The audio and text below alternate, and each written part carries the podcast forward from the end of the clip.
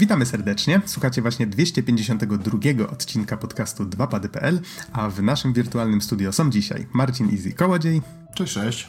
I Łukasz Spierek-Spierewka. Witam wszystkich. A mówi Adam Naksa 15 Dębski. Nagrywamy w poniedziałek 25 czerwca 2018. A w tym odcinku przygotowaliśmy dla Was aż trzy recenzje i może od razu powiem, jakie będą to gry. Będzie to Never Stop Sneaking, Gorogoa i recenzja okładkowa, czyli Detroit Become Human. Natomiast w tej recenzji również usłyszycie e, surfera, Natomiast teraz y, we wstępie powiemy też troszeczkę o Pixel Heaven, na którym byliśmy e, na początku tego miesiąca oraz o dwóch grach, czyli Blast Blue Cross Tag Battle i o Overwhelm. Okej, okay, myślę, że nie ma co, nie ma co przedłużać. Przejdźmy do tego Pixel Heaven, czyli do imprezy, która miała miejsce 8-10 czerwca i byłem na niej ja, był na niej Spierek. I może Spierek, zacznijmy od tego, że ty byłeś na niej już więcej niż raz, ja byłem po raz pierwszy, więc może ze swojej perspektywy powiedz, jak oceniasz właśnie, albo dla kogoś, kto nie był na Pixel Heaven, powiedz jak to mniej więcej wygląda, jak oceniasz imprezę, tak właśnie patrząc przez pryzmat swoich poprzednich wizyt? Znaczy, przede wszystkim, tak jak Digital Dragons było imprezą czysto nastawioną na deweloperów, czysto nastawioną na zdobywanie wiedzy, zdobywanie kontaktów, e, jakby nazwijmy to bardziej profesjonalny aspekt branży, tak Pixel Heaven ma taki trochę bardziej jarmarczny klimat, w sensie jest imprezą dosyć otwartą na w sumie to wszystkich, ale przede wszystkim jest wydarzeniem kierowanym do pasjonatów, e, nazwijmy to gier retro, bo, bo retro jest tam bardzo silną, silną odnogą, e, oraz takich e, rzeczy jak na przykład flipperów, e, gier indie, e, więc jest to na pewno mniej poważny i mniej oblegany event niż na przykład Poznań Game Arena, e, co sprawia, że jest też e, w pewnym sensie trochę bardziej kierowany na przykład dla rodzin z dziećmi, ma taki właśnie klimat bardzo, bardzo luźny, w sensie jest tam oczywiście też element na przykład wykładowy, dzieją się jakieś prezentacje, dzieją się na przykład wywiady z ludźmi, którzy powiedzmy tam 30 lat temu pisali jakieś gry na Amigę i są ściągani do Polski, żeby porozmawiali o tamtych czasach. E, są na przykład panele z, dajmy na to, starymi redaktorami świata gier komputerowych czy, czy innych e, magazynów z przeszłej epoki, nazwijmy to. E, ale powiedzmy, że znaczy część osób przyjeżdża tam oczywiście na te panele i, i uważam, że część z nich może być bardzo ciekawa dla odpowiednich osób, natomiast y, mnie, jak i ciebie również pewnie przede wszystkim e, na Pixel Heaven najbardziej interesują dwie rzeczy, mianowicie możliwość spotkania się z ludźmi, bo dlatego, że to jest w Warszawie i jest to stosunkowo tani event. E, dzień wstępu bodajże kosztuje około 30 zł, e, karnet na cały weekend 60, jeżeli kupi się w przedsprzedaży odpowiednio wcześniej, to oczywiście wychodzi to taniej, więc można spotkać tam sporo deweloperów lub ludzi ze świata growego z Warszawy i okolic, oraz e, jakby drugą istotną stroną jest właśnie ta wcześniej wspomniana strefa indie, czyli możliwość zagrania w przede wszystkim polskie indyki przed premierą, zobaczenia co tam ciekawego się gotuje e, u naszych polskich deweloperów i, i przedwczesnego posmakowania właśnie interesujących gier. Mhm, tak, zgadza się. Zresztą te koszty, jak już wspomniałeś, one są przede wszystkim mniejsze w porównaniu chociażby z takim Digital Dragons, które tam kilkaset złotych kosztuje wejściówka, prawda?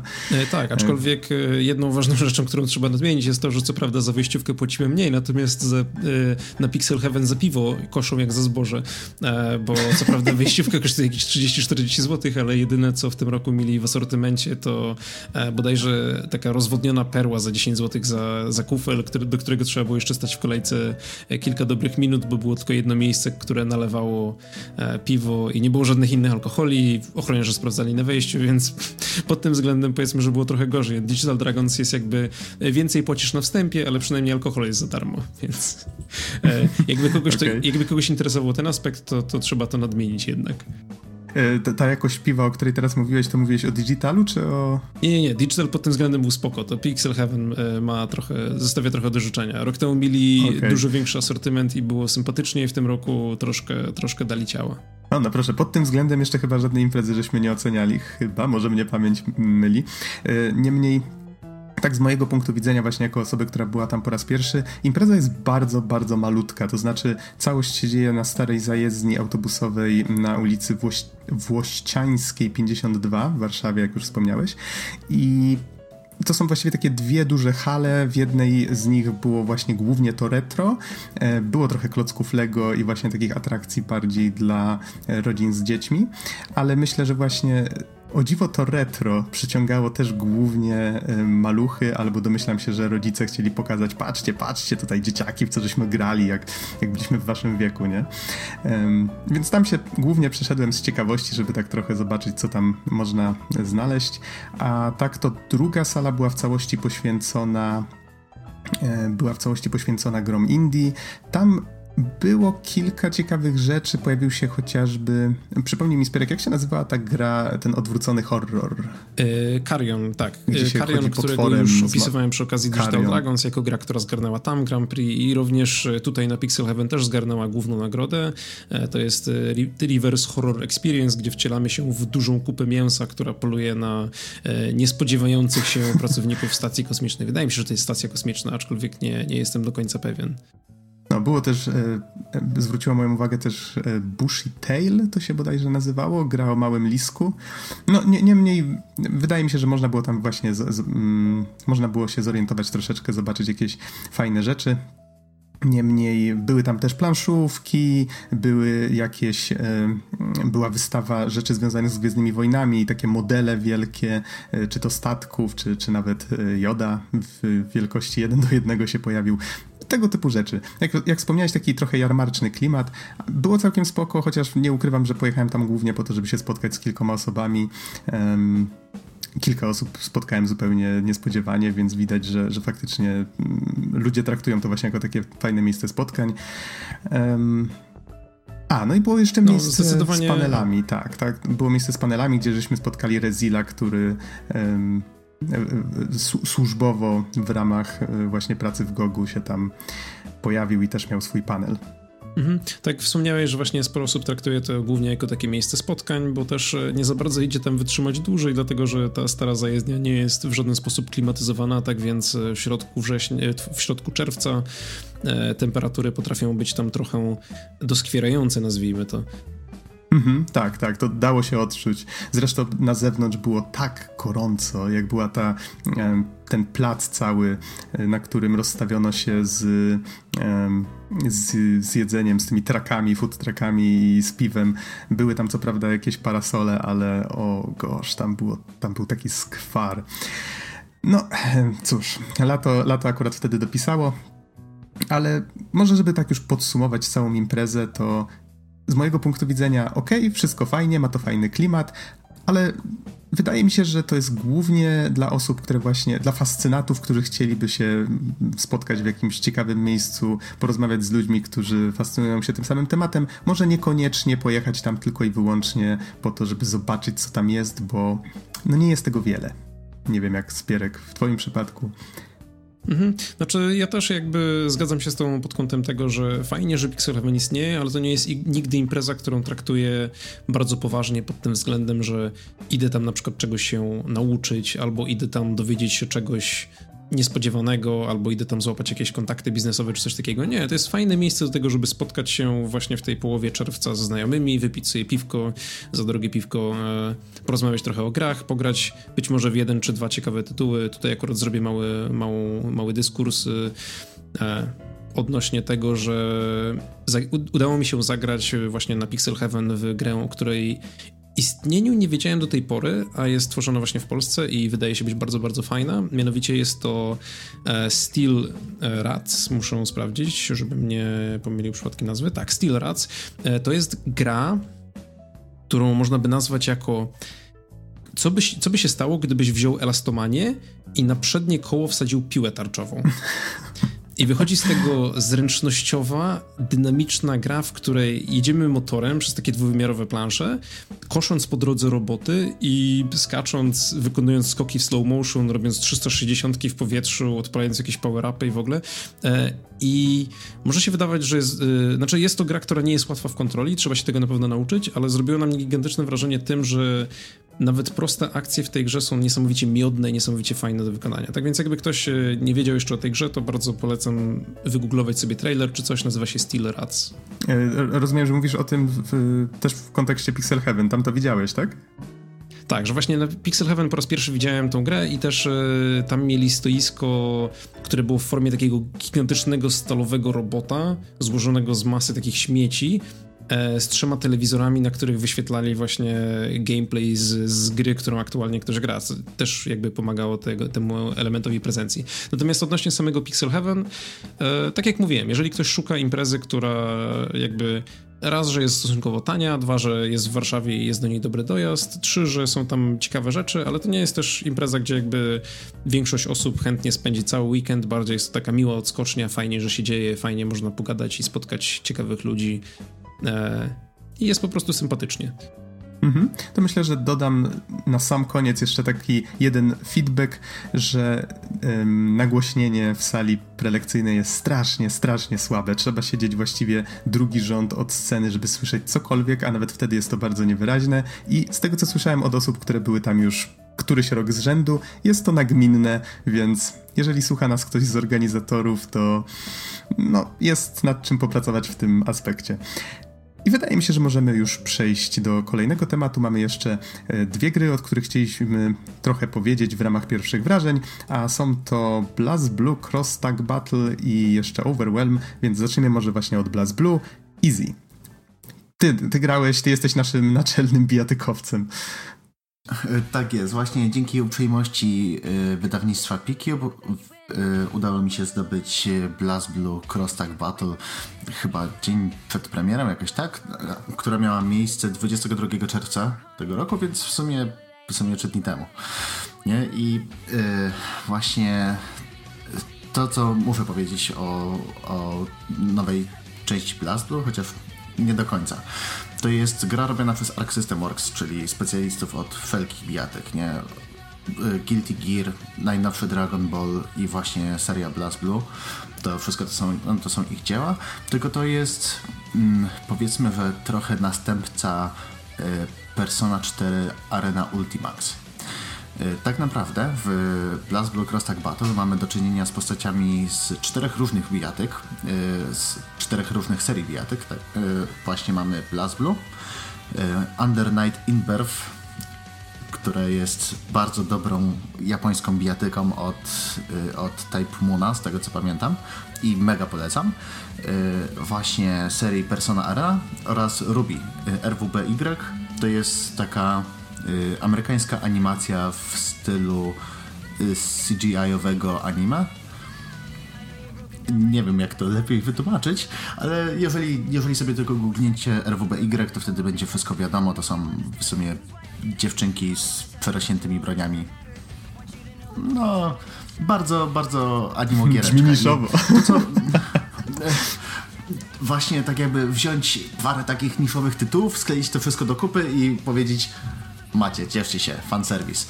I rzeczywiście na pewno to działa, bo ludzie rzucili się na tą grę, no nie oszukujmy się. Pomimo nawet pewnych kontrowersji związanych z tym, że yy, tak jakby przed premierą zapowiedziano już Season Pass, w którym będzie 20 postaci do kupienia w formie DLC-ków i na płycie będzie tego 20, 20 bohaterów startowych. No ale tak czy siak, nawet abstrahując od tego, powiem szczerze, że to jest całkiem niezła giereczka. Jeżeli ktoś chciałby dopiero wejść w, e, w bijatyki 2D, a na przykład grał wcześniej w, w serię Persona, to to jest świetny pomysł, żeby spróbować, bo po prostu jest w miarę prosta, mamy automatyczne kombosy, mamy yy, zarządzanie zasobami, które dobra, mogłoby być trochę prostsze, ale jest całkiem nieźle wytłumaczone, serii tutoriali, nie mamy jakichś mega skomplikowanych i mega długich kombosów, więc jeżeli chcecie y, ogarnąć sobie giereczkę, która, y, giereczkę w sensie bijaty, bijatykę, która będzie całkiem taka przyjemna i nie wymagająca aż tak dużo na samym początku, to nie krępujcie się. Tym bardziej, że teraz jest dostępna zarówno na Play 4, na Switchu i na PC-tach. Więc y, ja pewnie jeszcze zanim, zanim zabiorę się za recenzję, to będę musiał pograć trochę więcej online i trochę bardziej wsiąknąć w to, jak to, jak to będzie działało kompetytywnie, ale pierwsze wrażenia są jak najbardziej na plus. Mhm. Natomiast jeżeli chodzi o Overwhelm, w którego miałem okazję pograć może z godzinkę. Gra miała premierę 12 czerwca i e, można ją dostać na Steamie i na Itch.io, z tego co się orientuję. E, na konsolach chyba nie wyszła. E, jest to coś w rodzaju takiego minimalistycznego wręcz shootera. Widzimy w 2D jedną postać, możemy sobie myszką albo padem wybierać kierunek, w którym chcemy celować. No i właściwie nie mamy żadnego zdrowia czy tego typu rzeczy. Wytrzymałość naszej postaci polega na tym, że jeżeli coś nas dotknie, giniemy. I Gra cechuje się tym, że ma bardzo, bardzo mroczny klimat, taki właściwie wręcz niepokojący i fajnie muzyka z tym gra, fajnie różne efekty e, do tego się dorzucają. Zresztą wystarczy zobaczyć sobie zwiastun, który mnie kupił i jak, fajnie właśnie muzycznie i dźwiękowo tam to wszystko e, się zgrywa. Mamy coś w rodzaju takiego motywu, że musimy się dostać do wnętrza, to jest nazwane bodajże hive, jakiegoś roju i pokonać bossów. To jest właściwie coś w rodzaju takiego takiej Metroidvanii połączonej z boss rush mode. Mamy planszę, po której możemy się swobodnie poruszać i w różnych jej rogach są bossowie. Cały problem polega na tym, że mamy tylko trzy życia. Jeżeli zginiemy te trzy razy, musimy zaczynać grę od nowa. Jeżeli dotrzemy wcześniej do jakiegoś bossa, no to wtedy uruchamia się coś w rodzaju checkpointu, możemy się wtedy jakby zacząć grę od tego miejsca, ale nadal jak się domyślam, przynajmniej po tej godzinie, musimy pokonać wszystkich tych bossów na tych trzech życiach, e, znaczy pięciu bossów na tych trzech życiach, żeby przejść tę grę. Znaczy, nie wiem, może są tam jeszcze jakieś niespodzianki, ale trzeba przyznać, że to buduje takie fajne, takie fajne poczucie e, zagrożenia, bo po pierwsze jesteśmy strasznie, nasza postać jest strasznie krucha, a po drugie faktycznie z każdym pokonanym bossem ten rój e, ewoluuje, czyli coś, co wcześniej było, dajmy na to, niegroźne, bo było jakąś albo meduzą, albo, albo jakimś motylkiem, nagle zamienia się w jakąś krwiożerczą bestię i obejmuje to całą, e, całą planszę.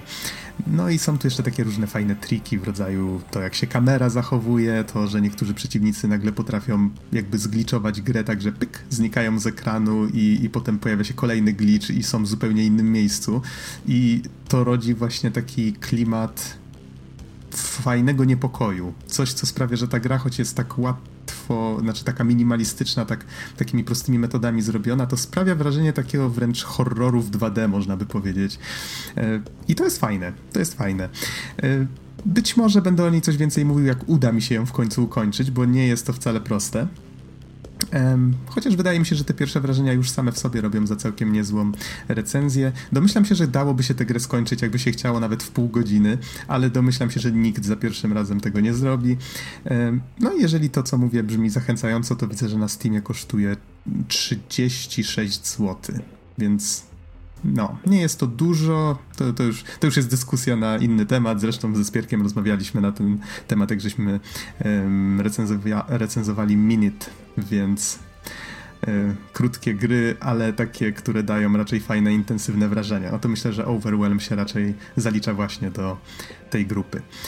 Mhm, ja tylko jeszcze jako mały bonus wspomnę, że pierwotna wersja gry została stworzona na Game Jam Ludum Dare 40, e, którego tematem głównym było The more you have, the worse it is i właśnie tam stąd wychodzą te mechaniki rozgrywki, a następnie przez 6 miesięcy została rozbudowana właśnie tej dużej wersji gry, którą możemy kupić już teraz. E, I jeżeli ktoś ma ochotę, w sensie nie jest pewny, czy chce wydawać właśnie te 30 parę złotych, żeby zagrać w finalny produkt, to w internecie można znaleźć właśnie tą darmową wersję, która jest e, stosunkowo podobna do finału, aczkolwiek trochę mniej dopracowana, więc e, polecam się zainteresować, jeżeli e, brzmi dla Was interesująco. Mhm. Hasło przewodnie tej gry, czy właściwie reklamowe, to jest e, action horror game, w której przeciwnicy dostają power-upy, a my ich nie dostajemy. Trzeba przyznać, że całkiem fajnie oddaje to klimat. Dobrze, myślę, że najwyższa pora przejść do głównych tematów tego odcinka, a mamy aż trzy, przypomnę, i są to recenzje Never Stop Sneaking, Gorogoa i Detroit Become Human.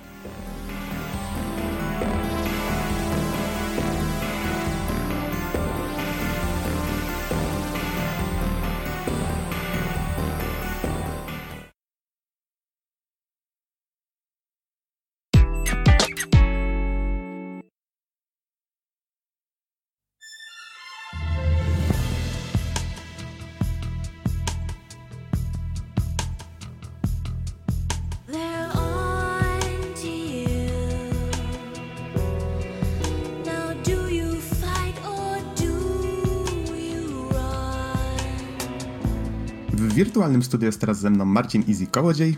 Hej, hej. A mówi Adam Noxa 15 Dębski. Nagrywamy w sobotę 3 lutego 2018 i będziemy teraz Never Stop Podcasting. Będziemy, rzucać sucharami Never na temat... Stop podcasting. Never Stop Sneaking. Tak, będziemy rzucać e, sucharami na temat gry Never Stop Sneaking. Czy sneaking, ciężko się wymawia to, to Sneaking. tak jak jest zapisane, sneaking. Sneaking. Em, no właśnie, Easy, grałeś w Never Stop Sneaking, to może powiedz nam o co w tej grze chodzi i na jakiej platformie w nią grałeś, bo nie jestem pewien. Ona wyszła tylko na Switcha, tak? Tak, tak, to jest ekskluzyw na Nintendo Switch, wyprodukowany i wydany przez Humble Hearts. y, Twórcy m.in. Dust and Elysian Tale. I y, wyszło to 14 grudnia 2017 roku w USA, u nas trochę później. Nie jesteśmy do końca pewni, chyba o 17 18 grudnia? Jakoś tak, wtedy przypada to okienko wydawnicze na e-shopie No, za- załóżmy, że nie jest to aż tak istotne, połowa grudnia zeszłego roku, tak, czyli gra jest, gra jest raczej świeża. Tak, jest, jest w miarę świeża. W porównaniu z, ze wszystkimi innymi tam indykami, które ostatnio wychodzą na Switcha, to jest bardzo świeża. I mam wrażenie, że już kiedyś o niej mówiliśmy na jakimś wstępie, śmialiśmy się bardzo z tej parodiowej części zwiastuna. y, chyba przy okazji obgadywania Nintendo Direct? Albo czegoś takiego? Może, może, ale to opowiedz w takim razie o, o tej części właśnie, o co chodzi w fabule. Tak, to znaczy ogólnie y, ja bym to określił jako roguelite, dekonstrukcja skradanek i parodia MGS-a w serii Metal Gear Solid. Nie? W sensie... Dobra, najpierw fabuła. Y, wcielamy się w tajnego agenta Departamentu Skradania, który ma za zadanie zatrzymanie Amadeusza Gildensterna, który to wynalazł wehikuł czasu i porwał wszystkich dawnych oraz przyszłych prezydentów, nawet tych, którzy byli strasznie słabi i bardzo źli. I właśnie wtedy y, dostaje nam się misja, że musimy się zagrać do jego bazy i powstrzymać jego niecne plany. I, I wow, nie, to jest w ogóle... Drodzy słuchacze, Nox, jak zobaczyłem intro, to popłakałem się prawie ze śmiechu, nie? Bo to jest tak parodiuje MGS-a i całość jest utrzymana w takiej konwencji, że tym bardziej ostatnio og- ogrywałem MGS-a czwórkę i trochę piątki, to nie mogłem się powstrzymać, dlatego, bo to uderza celnie w punkty po prostu wszystkie, wszystkie MGS-owe. Nie? W sensie mamy, mamy takie scenki, które są bardzo, bardzo filmowe i bardzo MGS-owe. Jest lądowanie z, w stylu Terminatora z MGS-a dwójki, jest skok z samolotu z MGS-a trójki, jest po prostu wszystko, jest cudowne. Uwielbiam tę grę. Zwiastun, Uwielbiam. zwiastun bardzo mocno nawiązuje do MGS-a jedynki i mm, te- te- tej akcji z łodzią podwodną, jak Snake się musiał dostać na wyspy Shadow Moses. Y, Tak, ogólnie co chwilę tutaj ktoś nawiązuje w jakiś sposób do, do MGS-a.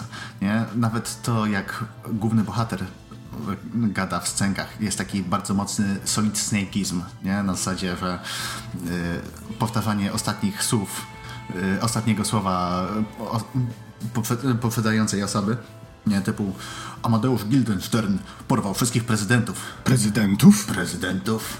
Metal Gear. jest, jest wszystko, nie? To znaczy, fabuły tak naprawdę jest, jest mało, nie? Jest taka, jest przedstawiona w formie albo właśnie takich scenek głupawych, albo w formie głupawych dialogów, które po prostu wyskakują w pop-upach podczas tam ratowania kolejnych, kolejnych osób, nie? Ale I, I jak rozumiem, nie brakuje tutaj sucharów, takich jak w zwiastunie, w rodzaju mm, jednym z twoich przeciwników jest wiceprezydent helikopter, który E, przy okazji jest helikopterem. Dokładnie tak. Nie? Albo tam Amadeusz Gildenstern, który oczywiście obserwuje swoją bazę i mówi Ha, widzę, że postawiliście sobie namiot, w którym postawiliście swoją główną bazę wypadową do, e, do mojego złego laboratorium. Ale wiedzcie, że jeżeli chcecie mnie pokonać, musicie zrobić, e, musicie postawić co najmniej 12 takich namiotów. I nagle nasz ten, nasz kolonel co? 12 namiotów? Ty chory człowieku! To jest humor na tym poziomie. Albo doktor Acula, prawdopodobnie wampir, Tak, który jest Secretary of Health. sekretarzem zdrowia. Tak. Tak, sekretarzem zdrowia, albo bracia Schadenfreude. Schadenfreude to jest y, ten, to takie y, uczucie, hmm, to taka radość spowodowana nieszczęściem innych osób. Nie? Więc są warciki językowe, jest naśmiewanie się z jakichś takich najróżniejszych głupich rzeczy. Ale przejdźmy do mechaniki, dlatego, bo to tutaj już wymieniłeś trzech z, to znaczy wymieniliśmy y, trzech z bossów, warto tutaj skupić się trochę na mechanice, dlatego, bo to z, z jednej strony właśnie jest, fabularnie to jest parodia MGS-ów, ale z drugiej strony mechanicznie jest to bardzo dobra dekonstrukcja skradanek, nie? Dlatego, bo mamy Splinter Cella, mamy MGS-a, mamy inne takie tytuły, które yy, no nie oszukujmy się, mają skomplikowane sterowanie, nie? W sensie, oczywiście trzeba celować, strzelanie, skradanie się, pukanie w ściany, przewroty, jeżdżenie w tym, w kartonowym pudle. Wszystko jest rozłożone po całym padzie i naprawdę dla osób, które nie grają zbyt dużo, to może być bardzo wysoki próg wejścia. A tutaj, w Never Stop Sneaking, nigdy się nie zatrzymujemy, żeby się zastanowić nad sterowaniem, zawsze się skradamy. Nazwa zobowiązuje. A robimy to tylko przy użyciu ekranu dotykowego albo lewej gałki. I to jest, to jest wszystko, to jest koniec sterowania.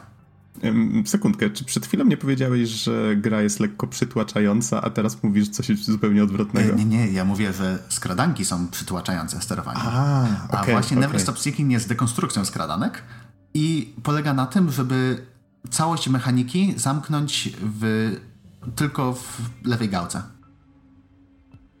Okej. Okay. Intrygujące, intrygujące, bo patrząc na zwiastun, tam dzieje się dość dużo. Postać biega, unika tych kamer, strzela do przeciwników, którzy zaraz się pojawiają. To jest tak jakbyś takie ultra szybkie skradanie. Tak, dokładnie. I wszystko jest tak jakby zautomatyzowane.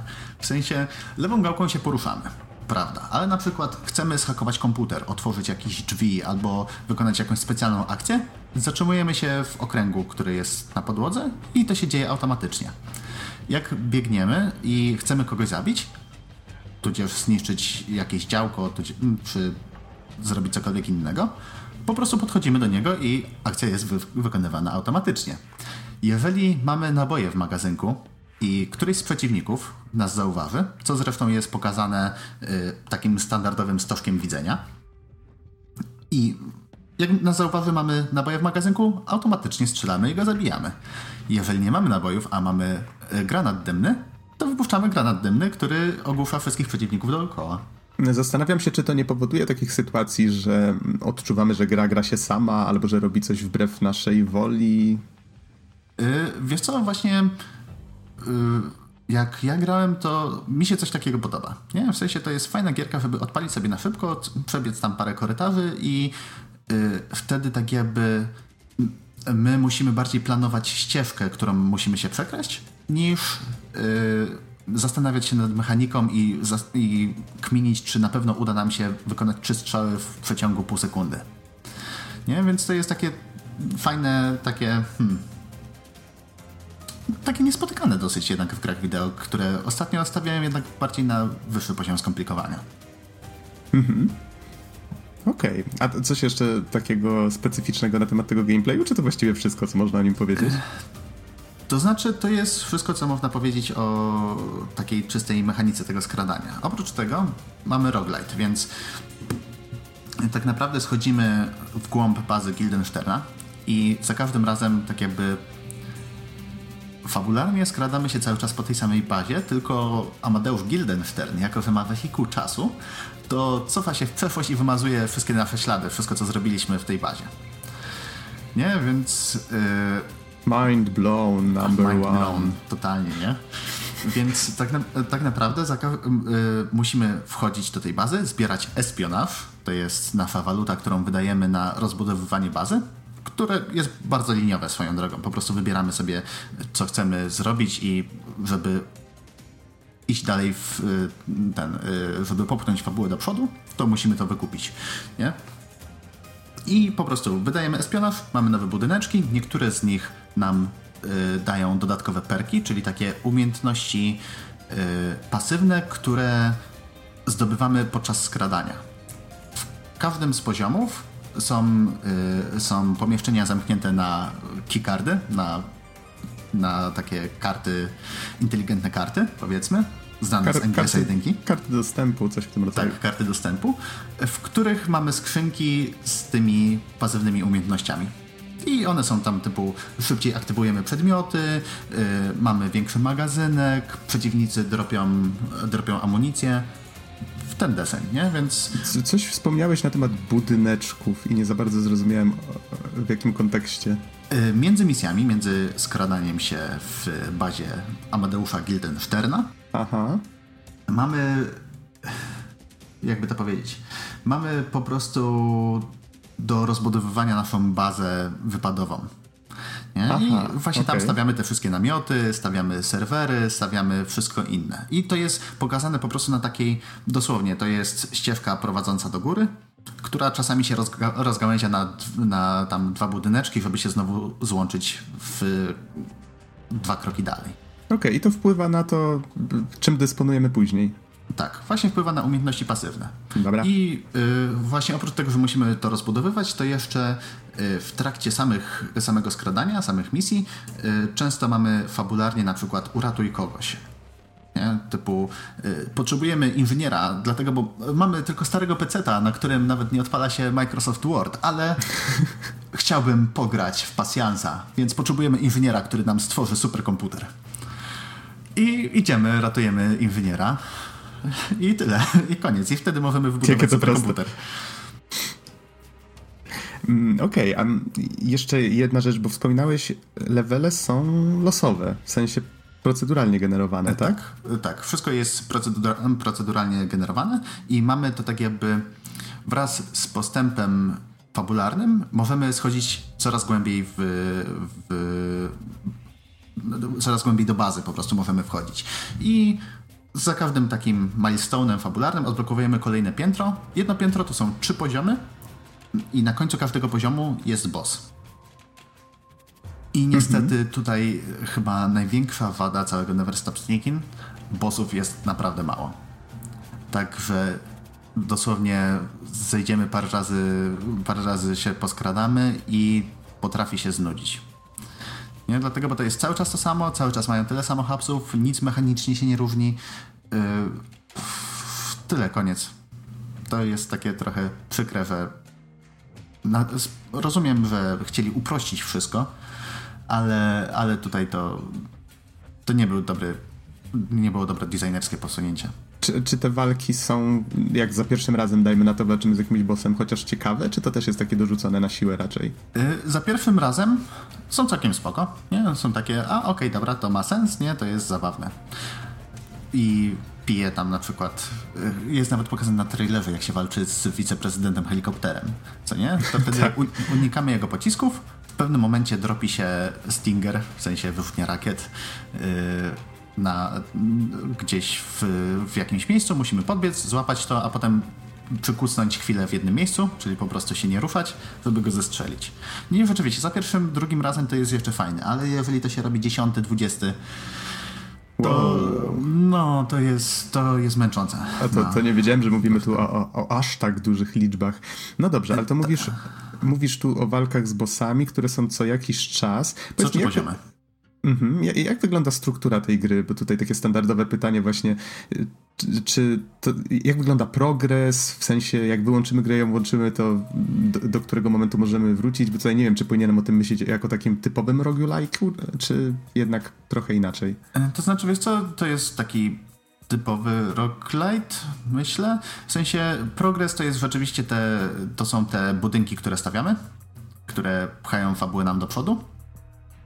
I dodatkowe umiejętności pasywne. Oprócz tego Oprócz tego, to co zdobywamy czasami, y, to po bossach są skrzynki, w których możemy dostać skórkę do agenta albo do broni. I A, to jak jest daleko... sporo. Mhm. A to jak daleko zabrnęliśmy? Ma e. jakiekolwiek znaczenie, czy... No nie, dlatego, bo Amadeusz Gildenstern cofa się w czasie i wymazuje wszelkie ślady naszej obecności. A, czy, czy, czyli Okej, okay, czyli to jest takie właściwie kręcenie się w kółko po tych samych levelach czy światach, tak? Można by je, tak. otoczeniach różnych, tak? Mhm. No i, i, tylko wizualnie one się minimalnie różnią. Czy jest ich dużo? E, takich różnych wizualnych odmian jest pięć.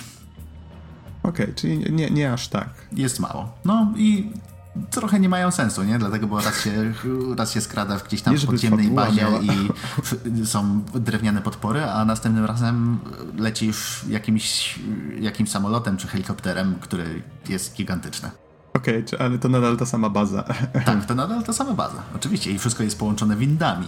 Oczywiście takimi windami jak z początku MGS-a 1. Okej, okej, okay, okay, rozumiem. Um, hmm. Dobrze, czyli w takim razie rozbudowujemy tą bazę, ale za każdym razem zaczynamy tę grę właściwie od tego samego momentu, tak? Tak. Mhm. Okej, okay, czy jest jakiś cel, do którego dążymy, jakieś zakończenie? E, tak, powstrzymać Amadeusza Guildensterna. Okej, okay, czyli, czyli prostu... można, do, do, można dotrzeć do niego w pewnym momencie, jak rozumiem. E, tak, tak. Właśnie jak oczywiście budujemy te kolejne budynki i tak dalej, i tak dalej, i tak dalej, to nam daje, odblokowuje tak jakby możliwość wchodzenia do bazy coraz głębiej i wtedy na początku mamy tylko jedno piętro do, do przejścia, czyli trzy poziomy, potem mamy dwa piętra, trzy piętra i tak dalej, i tak dalej. A w końcu powstrzymamy naszego głównego, głównego złego. Okej, okay. i tak jak mówisz, za każdym razem zaczyna się ten proces od nowa z wyjątkiem tej bazy. Tak, dokładnie. Dobrze. I okay. y, niestety jest to proces dosyć długi. W sensie Aha. przejście całej gry. Y, trochę tak jakby autorzy próbowali z jednej strony uprościć wszystko mechanicznie i fabuła też jest taka mega prosta i nie musimy się nad czym zastanawiać, nad, nad niczym zastanawiać, ale y, jest wypchany właśnie tą, tą repetytywną rozgrywką. Nie? Y, na przykład mi zajęło to paręnaście godzin, Y, takich, takiego wolnego grania. Tego co Myślałem... patrzę, to tam parę osób na How Long to Beat to też zgłosiło po 13 do 15 godzin. Myślałem, że przy jednym posiedzeniu. Y, nie, nie, nie. To, to nie jest gra na jedno posiedzenie, bo po prostu, po prostu znudził się totalnie. Mhm, ale okej, okay, czyli te kilkanaście godzin to było to rozwijanie bazy i tak dalej, a ile mniej więcej ta, takie ten, ten ostatni ci zajął, żeby dotrzeć na, na dno tego, tej bazy? Ile taka sesja jedna potrafiła zająć? Yy, nie, nie, to właśnie tak jak mówię. Najpierw musisz odblokować możliwość zejścia na samotną bazę. Hmm. Fabularnie odblokowujesz kolejne piętra i dopiero jak masz odblokowane wszystkie piętra, to możesz tak jakby skończyć grę schodząc na samotną. Czyli zaczynasz grę, dochodzisz do konkretnego piętra, cofa cię na początek gry, możesz zejść głębiej, cofa cię na początek gry, możesz zejść jeszcze głębiej i tak w kółko. Okay. Tak, a później odblokowujesz drugie piętro i zamiast schodzić, zamiast cię cofać po pierwszym piętrze, to robisz dwa piętra, czyli sześć Okej, okay, teraz rozumiem. To w takim razie sformułuję pytanie inaczej. E, ile trwa taka średnio sesja e, z tą grą? Czy trzeba koniecznie zarezerwować sobie godzinkę, czy to jednak może być krócej? Nie, broń Boże, to jest 5 e, minut na piętro? Może nawet mniej mhm. czasami? Czyli raczej idzie, idzie szybko, Nie, tak? więc to, tak, to jest ekstremalnie szybkie, nie? I w ogóle według mnie to jest genialny pomysł na gierkę mobilną, w sensie y, na telefony na przykład. Oczywiście y, telefon plus do tego sterowanie samym tym, samym touchscreenem, to by się świetnie sprawowało, nie? I tutaj też jest y, moja obiekcja co do co do ceny. Nie? Według mnie jest po prostu, ta gra jest aktualnie za droga, bo to jest 8 dych na polskim e-shopie i to jest za dużo jak na grę, która ma tak mało kontentu tak naprawdę. Rzeczywiście, jeżeli ktoś jest fanem MGS-a, to żeby się, żeby się pośmiać, że tak powiem, kupić to for the lulz. Jeżeli macie pieniądze, to się nie krępujcie, ale oprócz tego to może być trochę czy, za mało. To jedno pytanie ale... mi się teraz nasuwa, czy w takim bądź razie tej zawartości mm, parodiowej czy, czy jest jej faktycznie tak dużo? Bo w pewnym momencie wspomniałeś, że ta fabuła, ona faktycznie jest taka szczątkowa raczej, że ten, ta, to śmianie się z MGS, ono faktycznie jest raczej tylko w prologu, czy, czy więc faktycznie dla tej parodii warto to kupować tylko i wyłącznie? Jeżeli ktoś jest mega fanem MGS-ów, Yy, nie, no, jeżeli stanieje chociaż do połowy ceny, to wtedy, to wtedy można sobie spokojnie kupić, bo to jest fajna gierka, żeby wskoczyć, wyskoczyć, cenie 5 minut, pośmiać się z jakichś głupich żarcików, nie wiem, poskradać się kosmonautom z dwoma parówkami. Okej, okay, rozumiem. Dobrze. No tak, są różne dziwne bronie, no, ale, ale oprócz tego to ten. Yy, właśnie, jeszcze co do samej parodii, no to trzeba na pewno wspomnieć o yy, oprawie audiowizualnej, nie? Dlatego, bo to grafika jest prosta, czytelna, i widać, że to jest po prostu MGS 1 i ogólnie gry z PSX, a tak, tak żywcem po prostu parodiuje, nie? Zobaczycie to na trailerach. Wystarczy sobie odpalić. Rzeczywiście te, te pierwsze trailery to tam wszystko, wszystko widać, nie? Te rozpikselizowane twarze, jakieś takie y, właśnie otoczenie, które jest nie jest mega szczegółowe, nie? W sensie mamy jakieś tam, mamy jakieś skrzynki, jakieś kartony, jakieś takie proste komputerki. Wszystko jest fajne, proste i czytelne i rzeczywiście PSX MGS1. No i windy, windy. Każdy level czy, zaczynasz i kończysz windą. Czy, to jest bardzo ważne. Czyli te tekstury y, celowo są takiej niskiej rozdzielczości, jak się domyślam. Tak, tak. Mhm. To, jest, to jest stylizacja. To nie jest tak, że oni to Okej, okay, okay, rozumiem. W sensie, że nie byli w stanie. Dlatego popatrzmy przecież, jak wygląda Dust Elysian Tale, nie? To przecież y, gra, która wygląda bardzo dobrze, jak na bardzo małe studio, które to stworzyło. Czy, czyli mm. mówisz A, o tym w sensie, że to są ludzie, którzy byliby w stanie zrobić coś dużo lepszego graficznie, po prostu przyjęli taką stylizację. Tak, przyjęli taką konwencję i tyle. Okay. Myślę, że to by mogło wyglądać świetnie, ale tutaj się sprawdza, bo to jest prosta gierka, więc nie potrzebuje jakiejś... Y, myślę, że jakby to była skomplikowana, jakaś wysokoszczegółowa grafika, to by nic nie dało, dlatego, bo nie byłoby tego widać po prostu. Nie, mamy normalnie kamerkę z góry, widać całe nasze otoczenie, po którym musimy się skradać i to spokojnie działa. Y, jedyne, do czego mogę się przyczepić, to y, ten espionaż, który zbieramy, jest w formie takich zielonych poligonów, yy, zielonych trójkącików, które się, się wszędzie rozsypują i jeżeli zabijamy przeciwników po prostu no, w odpowiednio małych przedziałach czasowych, to wtedy mamy mnożnik i wypada ich coraz więcej. I wtedy są problemy z framerate'em. Przy tak prostej oprawie mogliby zrezygnować z, z takiej ilości partikli, żeby, żeby to było po prostu płynne, bo bo to trochę się Czyli kłóci. espionaż w sensie jakieś materiały wywiadowcze w formie tak. czegoś, co się wysypuje z przeciwników? Tak, okay. wysypuje się z przeciwników i z komputerków, które hakujemy. Mhm. I mamy jeszcze pasyw, że kichamy espionażem. Okej, okay. to Easy, nie wspomniałeś chyba jeszcze o muzyce i chyba możemy zmierzać mm. do podsumowania, wydaje mi się.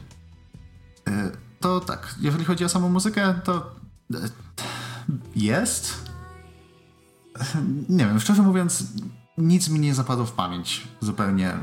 Jest taka, że gdzieś tam sobie plumka i jest spoko, ale perełką, jeżeli chodzi o Never Stop Sneaking, jest motyw przewodni o tej samej nazwie, który parodiuje Snake Eatera. Czyli piosenkę I z MGS-a trójki.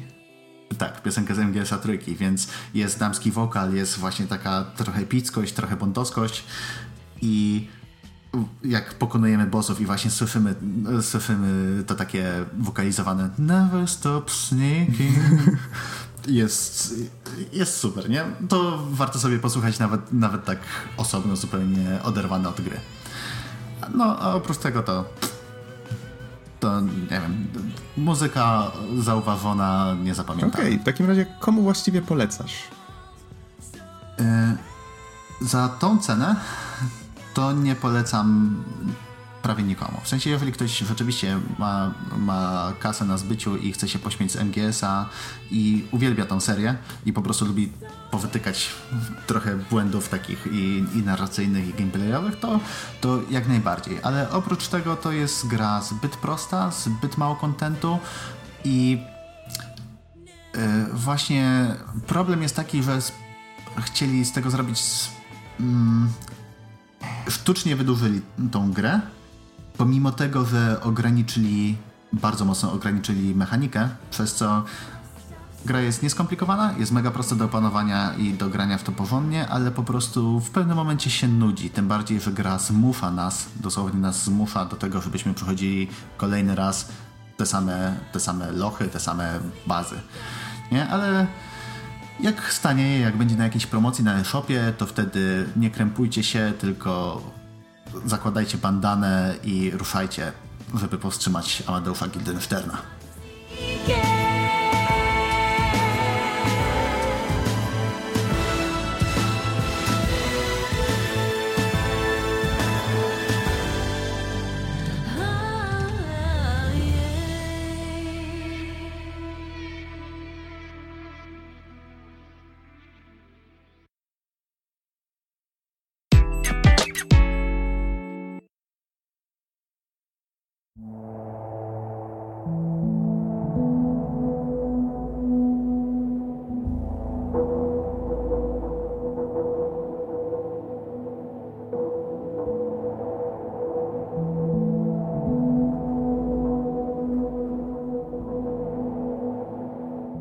W wirtualnym studiu jest teraz ze mną Marcin Easy Kołodziej. Hej, hej. A mówi Adam Noxa 15 Dębski, a dzisiaj mamy niedzielę 25 lutego 2018 i Easy będzie recenzował grę Gorogoa. Dość nietypowy tytuł, mam nadzieję, że zaraz się dowiemy, czy on cokolwiek znaczy.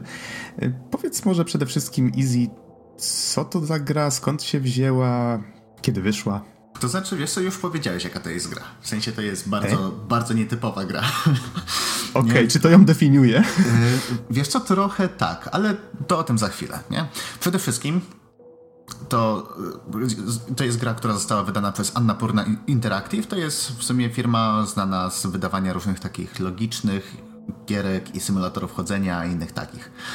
Czyli mówiąc krótko, celują raczej w takie artystyczne, wirtualne doświadczenia, może tak to określić? No, można, można tak to powiedzieć. I to, co jest ważne. Deweloperem jest Jason Roberts. I to nie jest nazwa firmy, to jest jeden koleś, który rzeźbił tą grę przez 7 lat. Mam tutaj déjà vu z recenzji ikonoklastów. Tylko, że tam chyba E, chyba, chyba nawet wtedy wspomniałem. Chyba tak, chyba wspomniałeś faktycznie, bo wtedy mówiłem, że twórca ikonoklastów tworzył tę grę przez 8 lat bodajże. No to tutaj mamy 7, tak? Też no. czasu.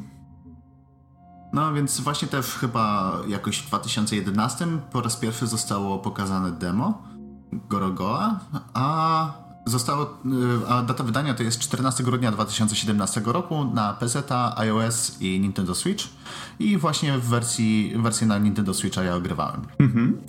I jeżeli chodzi o samą grę, to tak. może pozwól, że ja zacznę. Obejrzałem sobie zwiastun. I na tym zwiastunie widziałem mhm. dość ładną, rysowaną ręcznie, tak mi się wydaje, grafikę, jakieś obrazki, zdjęcia, znaczy zdjęcia w takim sensie, że obrazki przedstawiające jakąś albo martwą naturę, albo jakiś widoczek i jakby wchodzenie w te zdjęcia poprzez wybieranie konkretnych ich elementów. Nie do końca wiedziałem o co chodzi, ale wyglądało to dość intrygująco. Właśnie to jest tylko część mechaniki całej gry, nie? bo tak naprawdę to jest tak jakby Cała Gorogoa to jest taka właśnie bardzo abstrakcyjna gra logiczna, która rozgrywa się na czterech panelach. Tak jak mamy na przykład te forkoma mangi czy coś, nie? To takie kwadraciki układające się w większy kwadracik i to jest cała nasza przestrzeń gry. I tutaj właśnie yy, wchodzi właśnie to, że jest to niby trochę point and click, miejscami, w sensie rzeczywiście, jak przyciśniemy na coś, no to wtedy możemy, możemy to wykorzystać w jakiś sposób, możemy wejść w jakąś interakcję ale tutaj też dochodzi nam taka mechanika, że tak jakby każdy panel, yy, tak jakby hmm, każda scena może się składać z wielu warstw. I czasami te warstwy możemy przeciągać między tymi, tymi czterema panelami, o których wspominałem. To brzmi dziwnie, ale przykład. Yy, przykład. Yy, właśnie tam główny bohater, taki chłopiec, w sumie nic, nic o, nim nie wiemy, chce wyjść z domu, prawda? Więc jest na początku w pokoju, klikamy, żeby przeszedł na drugi koniec pokoju i wtedy tam przesuwa nam się trochę ekran i w tym momencie możemy kliknąć drzwi. Otwierają się drzwi, bohater przechodzi przez nie, ale cały czas stoi w miejscu i takie, tak się zastanawiam, kurde, co, co tutaj zrobić? I biorę, tak jakby łapię za ścianę, przesuwam warstwę z pokojem na osobny panel i okazuje się, że pod tą warstwą było właśnie przestrzeń na zewnątrz się znajdowała i wtedy bohater idzie, chodzi sobie tam dalej po niej. Okej, okay, czyli to jest takie dość takie umowne bawienie się per sposobem postrzegania otoczenia? Powiedzmy. Nie dlatego, bo to. Ciężko to jakoś opisać, to domyślam Całość się. tej przygody jest taka bardzo abstrakcyjna, nie? Dlatego, bo nawet fabuła właśnie opowiada o tym, powiedzmy, że opowiada. Yy, przedstawia chłopca, który tam naczytał się różnych historii o takim mitycznym stworze, powiedzmy, bo, który właśnie się nazywa Gorogoa. Nie? To jest yy, nazwa takiego Y, takiego stworzenia, która została wymyślona przez Jasona Robertsa, jak był dzieckiem. I jakoś tak na, na podstawie tego postanowił stworzyć całą grę. I właśnie ten główny bohater wyrusza po prostu w podróż, żeby znaleźć pożywienie dla tego stwora i go nakarmić. Mm -hmm. I to można, to można powiedzieć, że to jest cała fabuła, ale tak naprawdę przez, y, i przez te zagadki, i przez y, taki visual storytelling, właśnie jeszcze gra tak jakby porusza trochę e, porusza różne takie głębokie wątki dosyć, dlatego, bo jest trochę o wojnie, trochę o ligi, trochę o takim właśnie wewnętrznym uduchowieniu ludzi. I ja zdaję sobie sprawę z tego, że, że mówię teraz tutaj tak strasznie abstrakcyjnie, ale ciężko, naprawdę ciężko mi to ubrać jakoś w słowa, bo to jest takie pewnego rodzaju doświadczenie, że takich gier nie robi się za dużo. Powiedziałbym, że bardzo ciężko znaleźć drugą taką, taką samą grę. I to trzeba naprawdę zobaczyć na własne oczy i trzeba samemu ograć, żeby, żeby przekonać się o co chodzi. Na początku. Mhm. Domyślam, domyślam się jeszcze, że ciężko jest ci podawać jakieś konkretne przykłady, bo pewnie e, to znaczy to taki spoiler, lekki tak? spoiler, nie? Właśnie ten przykład z drzwiami, no to można powiedzieć, że to jest spoiler, można yy, w sensie taki, bo to jest przygodówka point and click, nie? Więc zdradzam rozwiązanie zagadki, powiedzmy, nie? A też te e, te, te, te głębsze wątki, które są poruszane, to one też nie są poruszane wprost, bardziej właśnie przez to, co się dzieje, co się dzieje w tle, co się dzieje na tych planszach i co, co robimy, w sensie jak musimy mm, manipulować e, warstwami. Więc tak, więc strasznie ciężko jest tutaj powiedzieć, żeby nie zepsuć wam zabawy, dlatego naprawdę polecam na początku zobaczyć yy, trailer i może zobaczyć właśnie jakiś tam pierwszy gameplay, pierwsze, nie wiem, powiedzmy 10 minut, żeby zobaczyć, jak to wszystko wygląda. A trzeba powiedzieć, że co jak co, ale Gorogoa wygląda świetnie. I to głównie dlatego, że właśnie Jason Roberts zrobił wszystko samemu. I dzięki temu to jest takie mega spójne, w sensie yy, wszystkie, wszystkie tła, wszystkie animacje, wszystkie, wszystkie grafiki były robione przez niego i były też wykonywane jako część, część zagadek nie? Więc właśnie on opowiadał y, na którymś, y, podczas któregoś wywiadu, że y, dlatego ta gra powstawała 7 lat, dlatego bo na przykład stwierdzał, że mm, nie, ta zagadka tutaj nie do końca pasuje i chciałbym to zmienić. Ale później się okazuje, że że musiał przerysowywać całą grafikę, musiał zmieniać animację, musiał przerabiać praktycznie pół gry, dlatego bo zmienił jedną zagadkę po drodze. To, to brzmi boleśnie, tak, z punktu widzenia tworzenia. Tak, tak, właśnie. Ale z drugiej strony, gdyby, gdyby to robiło parę osób, to może i by było szybciej, ale nie byłoby takie spójne. Mhm. No tak, domyślam się, że twórca mógł tutaj przelać trochę własnych przemyśleń i dzięki temu, że to jest właśnie gra jednej osoby, to ma też coś do powiedzenia, tak? Tak, tak. Na temat tej jednej osoby, jej przemyśleń, na temat świata. Właśnie e, Jason Roberts opowiadał, że to jest taka bardzo, bardzo osobista gra, nie? W sensie, no jakby na to nie patrzeć. Spędził nad nią 7 lat swojego życia i można by powiedzieć, tak podsumowując wszystko, w sensie, że i grafikę, i jak to wszystko wygląda, i to takie głębsze przesłanie, że no, jeżeli ktoś mówi, że gry wideo nie mogą być sztuką, no to uważam, że jest w błędzie. I jeżeli, jeżeli chce się kłócić, to polecam zobaczenie, jak wygląda Gorogoa. Mhm. To jeszcze dodam, że jako ciekawostkę słuchałem wywiadu do którego zresztą linkowałem pod, pod podcastem, e, zaraz zobaczę, który to był odcinek z recenzją ikonoklasów, to był 244 i pod nim znajdziecie link do do wywiadu z Joachimem Sandbergiem, czyli twórcą właśnie tej gry. I on tam też mówi, że na początku, to co zresztą Easy zauważyłeś, na zwiastunach widać, że to była taka platformówka happy go lucky, jak to określiłeś, że taki przyjemny nastrój i w ogóle. I to początkowo miało być tylko coś takiego, ale im dłużej dłużej zajmowało mu tworzenie tej gry, tym bardziej miał chęć wrzucić do niej jakiś, jakiś przekaz, który faktycznie miałby znaczenie. Innymi słowy, chciał, żeby faktycznie ten czas nie poszedł na, na, na takie głupstewka, tak? Żeby to jednak się na coś przełożyło też dla innych osób. Więc to jest też ciekawy, ciekawy, um, ciekawa rzecz, że jak jedna osoba tworzy grę tak długo, to ten czas też wpływa na, na to, co ostatecznie powstanie, na to dzieło właściwie, można by powiedzieć, prawda? Mhm, właśnie jak siedzi się cały czas nad, nad, yy, nad jedną grą, nad jakąś taką jedną rzeczą, to człowiek zaczyna yy, często właśnie analizować to, co zrobił i właśnie zmieniać lwie części tego dzieła. Tylko y, w, w wielu przypadkach to jest problem. Szczególnie to jest problem, jeżeli to jest gra, która jest robiona przez większą ekipę. Patrzmy Duke Nukem Forever. nie? To wtedy jest, wtedy to można nazwać development hellem, co nie? W sensie piekiełko deweloperów. Ale jeżeli to robi jedna osoba, to, to wydaje mi się, że to wychodzi wtedy lepiej. Może wyjść lepiej. O. Choć też Choć wiesz co, też nie zawsze, bo to też jest taki development hell na tej zasadzie, że ta osoba może wpaść w pułapkę, że będzie w nieskończoność poprawiać to, co robić, to, co robi i ostatecznie nigdy tego nie skończy. I myślę, że większość przypadków właśnie e, w ten sposób się kończy. No, po prostu mówimy głównie o tych, którym, które jednocześnie, znaczy, które jednak dotarły do tego A, szczęśliwego y, tak, końca. Wła tak. Właśnie wracając y, do... E, tak. Ale wracając może do Gorogoły, tak, bo żeśmy troszeczkę od, odbiegli. O fabule wiem, że już więcej nie możesz powiedzieć. Zastanawiam mnie, czy na temat gameplayu coś jeszcze chciałbyś dodać, czy może o oprawie? Yy, trochę to znaczy, sam gameplay jest, jest bardzo ciekawy, nie? W sensie rzeczywiście mm -hmm. to takie wykorzystanie, wykorzystanie y, kolejnych warstw to niekoniecznie musi być tak wprost coś, coś takiego fizycznego właśnie jak, y, jak drzwi, ale czasami to mogą być czyjeś myśli, czyjeś, czyjeś pomysły, nie? Więc naprawdę tutaj autor y, trochę żongluje tym całym pomysłem i naprawdę to wy, wy, wypada bardzo fajnie.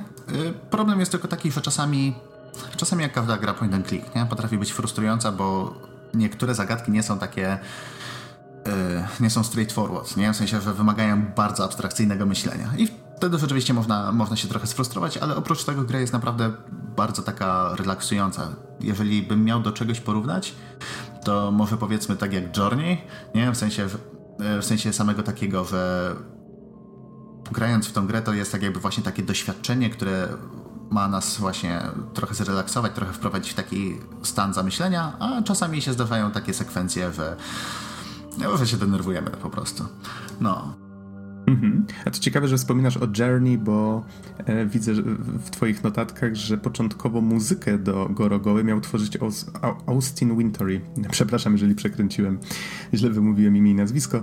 A, ale ostatecznie widzę, że zajął się tym ktoś inny i jest to Joel Korelitz, też nie jestem, pewien, mhm. nie jestem pewien, czy dobrze wymawiam, e, który stworzył muzykę jednocześnie do e, The Unfinished Swan nie miałem okazji zagrać, ale z tego co pamiętam, to była ta gra o zrzucaniu farbą w świat, tak? Mhm. No i y, właśnie to jest, to też jest fajne, bo twórca przyznał się do tego, to znaczy przyznał się, powiedział, okej, okay, nauczyłem się rysować, nauczyłem się animować, ale niestety nie jestem w stanie ogarnąć muzyki samemu. I się odezwał do ludzi, którzy się naprawdę na tym znają. Dlatego, bo właśnie mm -hmm. Austin Wintory, między innymi Banner Saga, nie, to też, może to nie są gry AAA, ale to są naprawdę porządne indyki z bardzo dobrą muzyką. I tutaj też ta y, oprawa audio jest taka bardzo, bardzo nastrojowa i no pasująca do całości, no nie oszukujmy się. Mhm. Okej, okay, czyli, czyli rozumiem, że kompozytor dobrze spełnił swoje zadanie.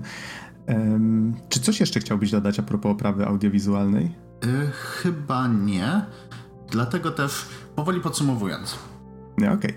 Okay. E, jeżeli, jeżeli szukacie czegoś, czegoś, gdzie rzeczywiście będzie trzeba się chwilę zastanowić nie tylko na takiej warstwie gameplayu, ale także na warstwie narracyjnej, jeżeli lubicie takie gry, które są bardzo artystyczne i starają się pokazać coś więcej, to na pewno będzie gra dla Was. Dlatego, bo bardzo dobra oprawa audiowizualna, spójność właśnie całego, całe, całej tej gry to jest bardzo, bardzo fajna przygoda. Może nie jest zbyt długa, dlatego, bo to chyba zajęło mi ze dwie godzinki, plus minus.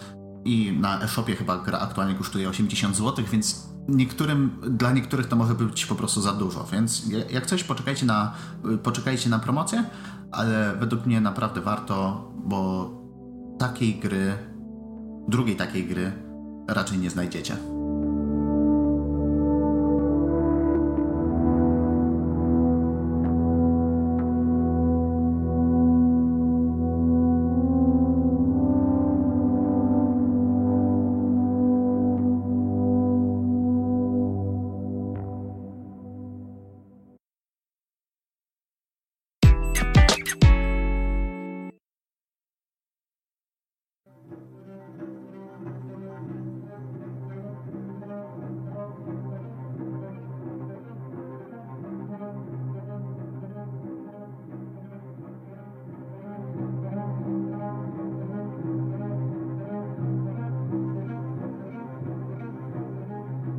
Wirtualnym studio są teraz ze mną Marcin Izzy Kołodziej. Hej, hej. I Hubert Surfer Wiśniewski. Dobry wieczór. A mówi Adam Noxa 15 Dębski. Nagrywamy w niedzielę 24 czerwca 2018 i będziemy teraz recenzować grę Detroit Become Human, czyli najnowszą grę od e, Quantic Dream, czyli mm, firmy Davida Cage'a, już wspominaliśmy o grze w naszych pierwszych wrażeniach i teraz czas najwyższy, żeby trochę rozwinąć myśl i zobaczyć, czy faktycznie Detroit um, idzie bardziej w stronę tych lepszych gier Davida Cage'a, czy może w stronę tych gorszych. No to jest raczej głęboki temat, o którym już nieraz żeśmy, mam wrażenie, dyskutowali. Um, może nim zaczniemy, to takie encyklopedyczne informacje, czyli gra jest ekskluzywem na PlayStation 4 i wyszła 25 maja tego roku. Ok, panowie, to od czego zaczynamy? Wiesz co, myślę, że możemy zacząć od początku, czyli tak naprawdę od zapowiedzi. To znaczy, nawet nie tyle zapowiedzi, co Quantic Dream pokazało takie demo technologiczne jeszcze na Play Trójce. Wszystko było renderowane w czasie rzeczywistym i wszystko to y, działo się na Games Developers Conference w 2012 roku.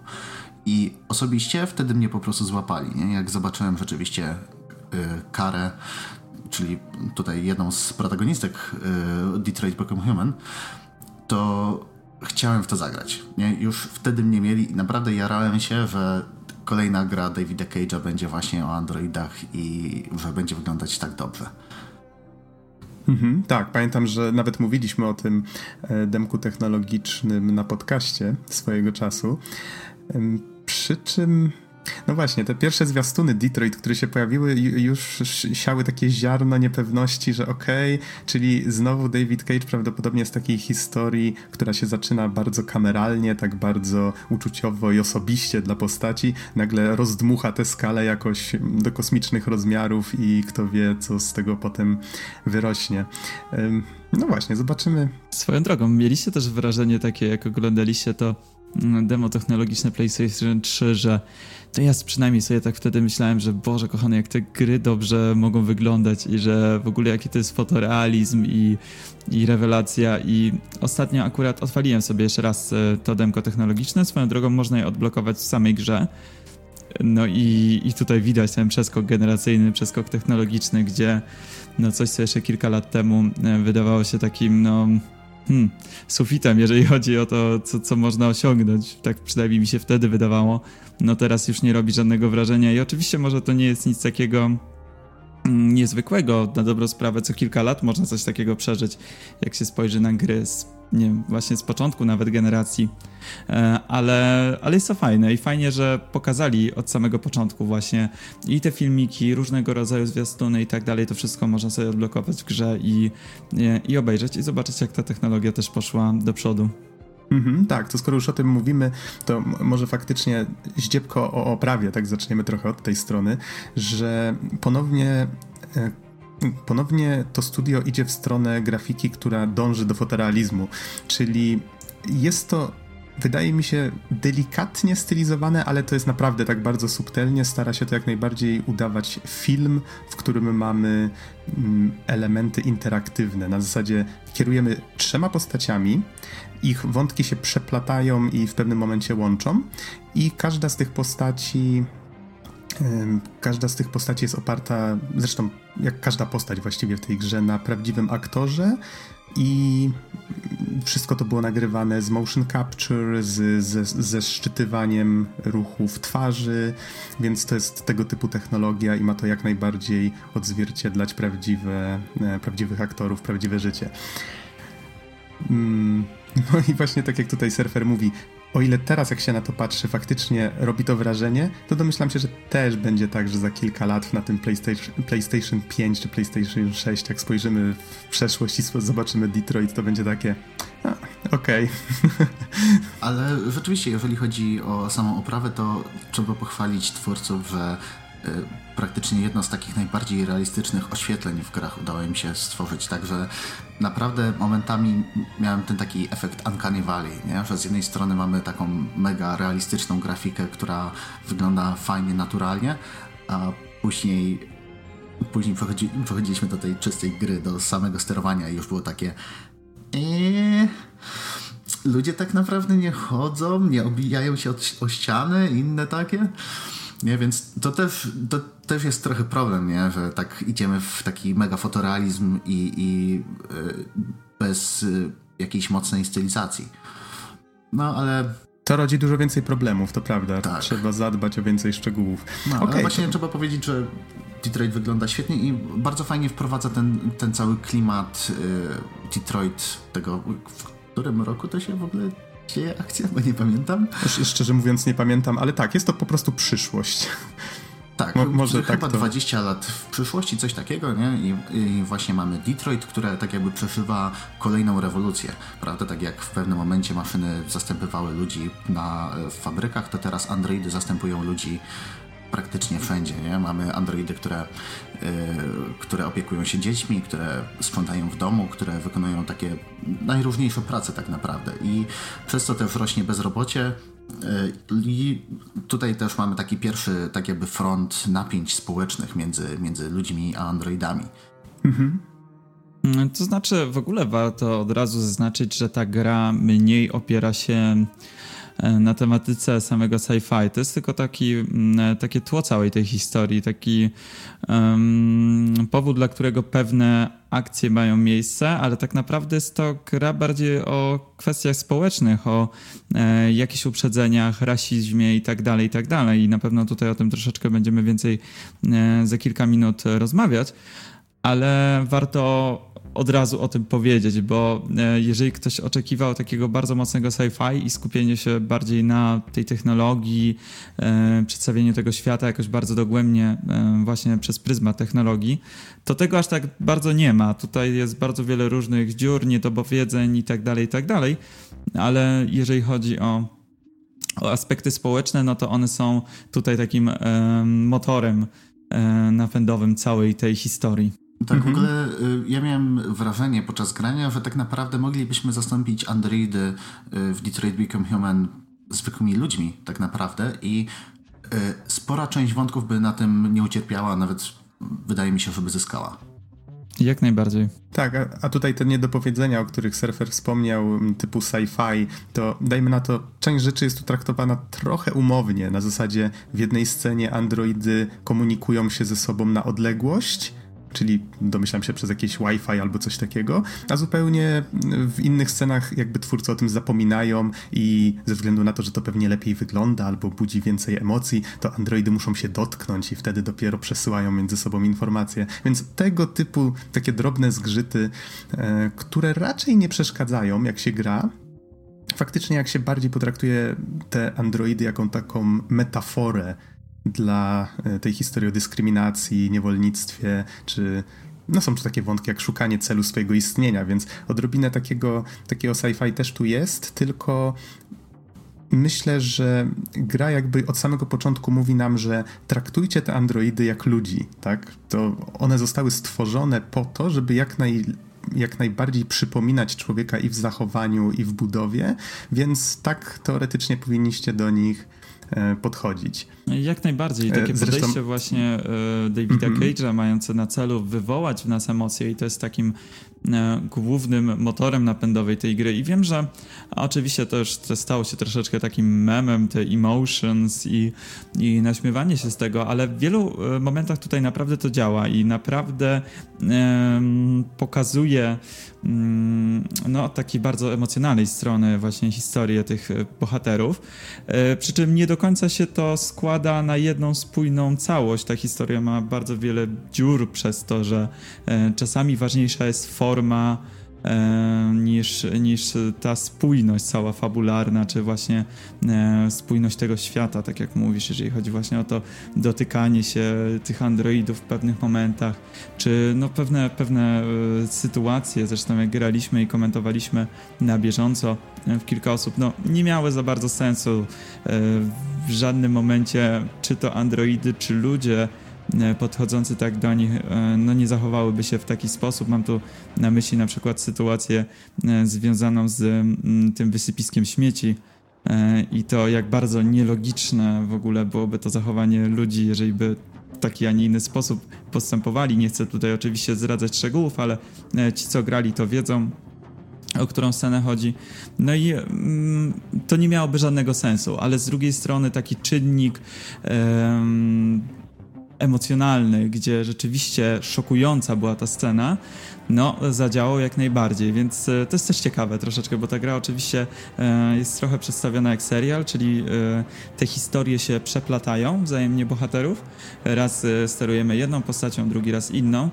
I po prostu pojedyncze te sceny działają naprawdę dobrze i przeważnie mają sens, ale kiedy złoży się to wszystko do kupy, już się, już się za mocno nie trzyma, więc o tym też warto wiedzieć, że, no, że jeżeli ktoś tutaj oczekuje E, super ambitnej historii, czy rewelacyjnego świata, który w jakiś sposób e, odmieni jego spojrzenie na, na to, jak świat może wyglądać na przykład, czy, czy jak świat jest kreowany w grze i tak dalej. No, no nie, to nie o to chodzi. To jest tylko i wyłącznie taki, e, takie tło i, i tyle. Tak, właśnie. To jest o, tyle zabawne, przepraszam, że ci przerwę Easy, że na początku w menu głównym, które zresztą też jest bardzo fajnie zrobione, bo jest tam kobieta android, która wita nas za każdym razem, jak zaczynamy grę albo wracamy do tego menu. Um, w pewnym momencie nawet to menu staje się częścią narracji, bo ona zadaje nam pytania, na które możemy odpowiedzieć i sobie porównać na przykład statystyki z innymi graczami, jak odpowiadali na świecie.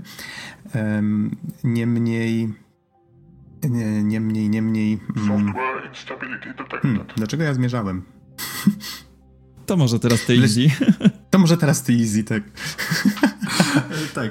Ja, ja, ja, chciałem tylko powiedzieć, że rzeczywiście. Y to jest taki, taki, taka charakterystyczna cecha gier y, ze studia Davida Cage'a, że emocje biorą górę, nie? W sensie emocje są ważniejsze niż logika, która stoi za podejmowanymi decyzjami przez bohaterów. Więc yy, właśnie z jednej strony ja lubię się właśnie zastanawiać nad jakimiś takimi bardziej logicznymi aspektami tworzenia świata w, w grach wideo i rzeczywiście miejscami to było tak, że gram i myślę sobie, Boże, dlaczego w ogóle stworzyli androidy pod postacią ludzi, nie? Jeżeli mogą złożyć, stworzyć tak skomplikowane urządzenia, to czemu nie zrobili coś, co jest bardziej wydajne, co nie denerwuje aż tak bardzo ludzi, co nie będzie prowadziło do jakichś takich niepokojów społecznych. Ale w pewnym momencie musiałem rzeczywiście wyłączyć myślenie i, i wtedy Detroit stało się takim trochę guilty pleasure, nie? W sensie z jednej strony wiem, że to nie ma sensu i to jest kubkowate i nie do końca trzyma się kupy, ale dalej grało mi się naprawdę przyjemnie. Nie? W sensie to jest naprawdę całkiem, całkiem spoko historia, która ma swoje problemy, ale jest w miarę satysfakcjonująca. Mhm. Taka y, póki mi się nie przypomni, o czym właściwie chciałem wtedy powiedzieć z tym menu głównym. Taka jeszcze inna ważna kwestia, która którą myślę warto dodać, to to, że bardzo fajnie działa tutaj jedna rzecz, mianowicie, że tak jak Cage z reguły robi w tych swoich grach te krótkie scenki, w których przede wszystkim stara się przelać te emocje na gracza, żeby zrobić z tego taką. Mm, zrobić z tych scen właściwie takie że te scenki działają lepiej niż cała historia, tak jak sami wspomnieliście. Tak samo tutaj fajnie działa to w drugą stronę, że ze względu na to, że postacie są androidami, tworami sztucznymi, to my podejmując decyzje, przelewamy trochę tego swojego człowieczeństwa jako gracz na te androidy, którymi kierujemy. Wiem, że to może jest trochę taka nadinterpretacja, ale myślę, że fajnie to działa w kontekście gry, która też opowiada właśnie o tym, że te androidy zaczynają się zachowywać coraz bardziej ludzko. E, tak, ogólnie tutaj bardzo fajnie jest e, e, Fajne, fajna jest ta synergia między, między mechaniką a narracją.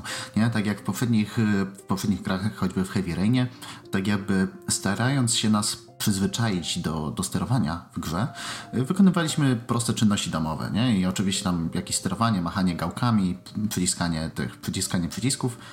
I tam to nie do końca miało sens. W sensie było tylko po to, żeby żeby był tutorial, powiedzmy. To tutaj, mimo tego, że też w otwierających scenach sprzątamy w domu, ogarniamy jakieś różne rzeczy, to yy, nabiera większego sensu, ponieważ musimy tak jakby te wszystkie czynności mechanicznie przejść wcielamy się w androida, nie? Któremu, wy, y, któremu wydaje się rozkazy i który ma robić nawet najnudniejsze rzeczy. Mhm. Tutaj ta mechanika. Wydaje mi się, że jeżeli ktoś grał w poprzednie gry e, Cage'a, to najbardziej wydaje mi się, że można podsumować w ogóle Detroit jako takiego duchowego następcę Heavy Raina, czyli właściwie i trochę klimatem i właśnie formą wydaje mi się, że tej grze jest najbliżej do, do właśnie Heavy Raina i sęk w tym, że ten interfejs, on wyjątkowo dobrze pasuje do, czyli powiedzmy podchodzimy do jakiegoś elementu, pojawia się ta strzałeczka, która pokazuje, jaki ruch prawą gałką mamy wykonać i to bardzo fajnie się zgrywa właśnie z tym, że to jest że, postacie, którymi kierujemy, to androidy, czyli że one niby mają jakieś tam swoje, jakąś swoją rozszerzoną rzeczywistość i możemy albo właśnie widzieć te strzałeczki, albo widzimy, możemy sobie wyświetlić zadania, które mamy do wykonania, główne, poboczne, e, jakieś elementy interaktywne możemy sobie podświetlić. Innymi słowy, interfejs gry zlewa się narracyjnie z resztą. E, tak, jedyny mój problem ze sterowaniem jest taki, że yy, wolałbym naprawdę, gdyby to było one click wonder, że tak powiem, w sensie, podchodzimy do czegoś i jeżeli chcemy wejść w interakcję, to przyciskamy jeden przycisk i wszystko się dzieje automatycznie. Niestety, według mnie to sterowanie właśnie, yy, sterowanie znane z, Heavy Raina między innymi strasznie wybijało z imersji.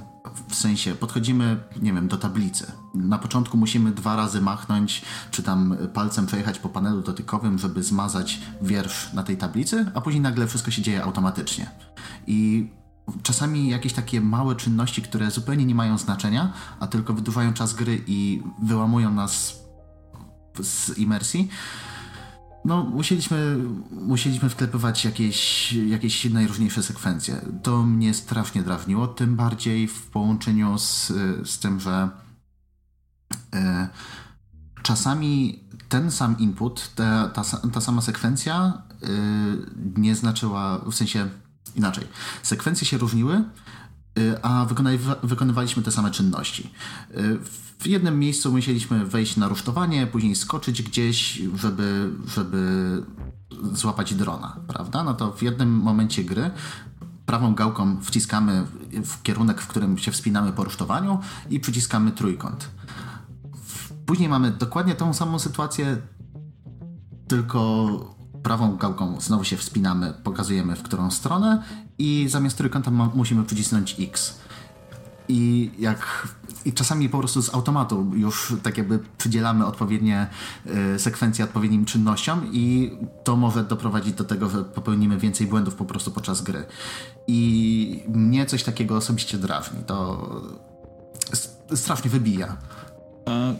Zgadzam się z tą misją, ale z drugiej strony tutaj troszeczkę postaram się wybronić Detroit. Po pierwsze, jest to mniej rażące niż w przypadku e, Heavy Raina. E, druga sprawa, że mm, mam wrażenie, że większość jednak tych e, akcji, które robimy, nie ma aż tak ogromnego wpływu. To znaczy, przynajmniej ja na razie odczułem to w taki sposób, że e, dużo ważniejsze są moje decyzje, które podejmuję w dialogach, niż to, jak dobrze robię quick time eventy.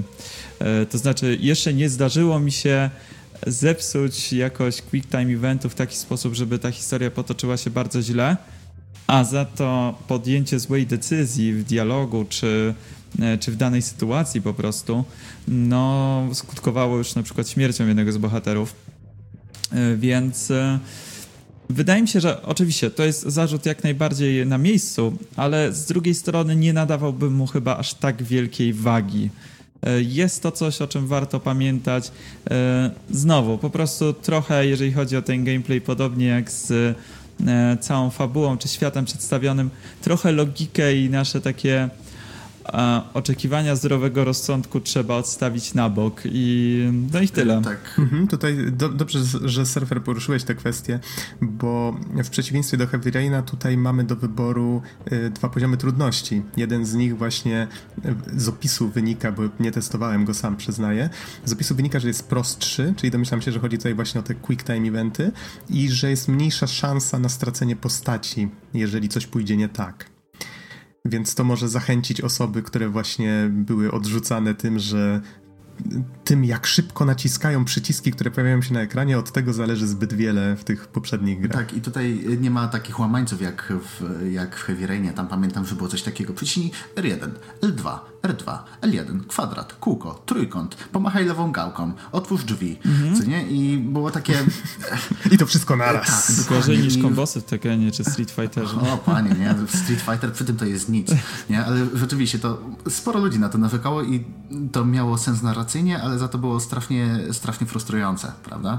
Rozumiem, że to też tak miało być. Jeszcze niektóre sceny strasznie idiotycznie wyglądały, jak na przykład do połowy animacji zrobiłeś coś dobrze i nagle spieprzyłeś i ta postać się cofa, więc e, tak, jak najbardziej ma, macie rację tutaj. E, przy czym mówię, no wydaje mi się, że tutaj to w jakiś sposób zostało e, poprawione, jest trochę mniej tego kombinowania na padzie i tak dalej.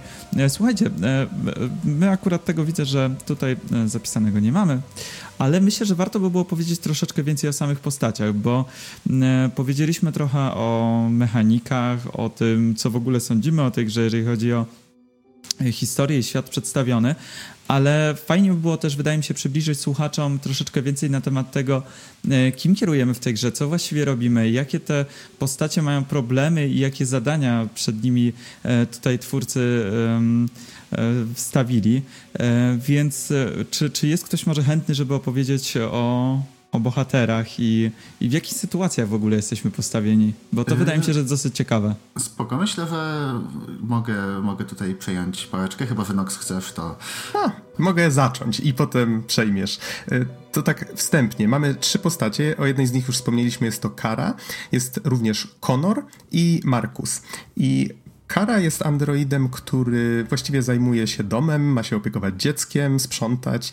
Connor jest z kolei androidem specjalnie stworzonym do tego, żeby pomagać mm, w pracy policji i zajmuje się chociażby w demku, które e, widzieliśmy na którymś tam E3 i my mieliśmy okazję chociażby zagrać na Warsaw Games tak, Week. Tak, na Warsaw Games mm -hmm. Week pierwszą misję, pierwszą misję Conora mieliśmy. Tak, tak. I, i, to było jak pełnił rolę... Mm, Negocjatora. Jak się nazywają? Negocjator. Negocjatora, właśnie.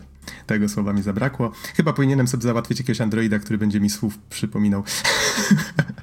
A ma... Albo zastąpimy cię jakimś androidem i będziemy mieli lepszego prowadzącego. Okej. Okay. Już się boję przyszłości. Markus z kolei jest to... Would become human. Sounds good. E, Markus z kolei jest e, androidem, który opiekuje się mm, emerytowanym artystą i do, dość bogatym zresztą, więc to jest taki, też taki właśnie fajny, e, fajny kontrast z karą się tutaj tworzy, bo kara trafia do domu, w którym właściwie widzimy, że ojciec rodziny to no powiedzmy tak, ćpa, nie dba o tą swoją córkę, dom jest zaniedbany, po prostu jakaś patologia. Z kolei Markus żyje w pięknym domu, jak właściwie taki... E, taki ptak zamknięty w złotej klatce, tak? E, co prawda to znaczy tutaj mm -hmm. pozwól, że tylko wtrącę jedno słowo odnośnie Markusa, bo to jest właśnie fajne.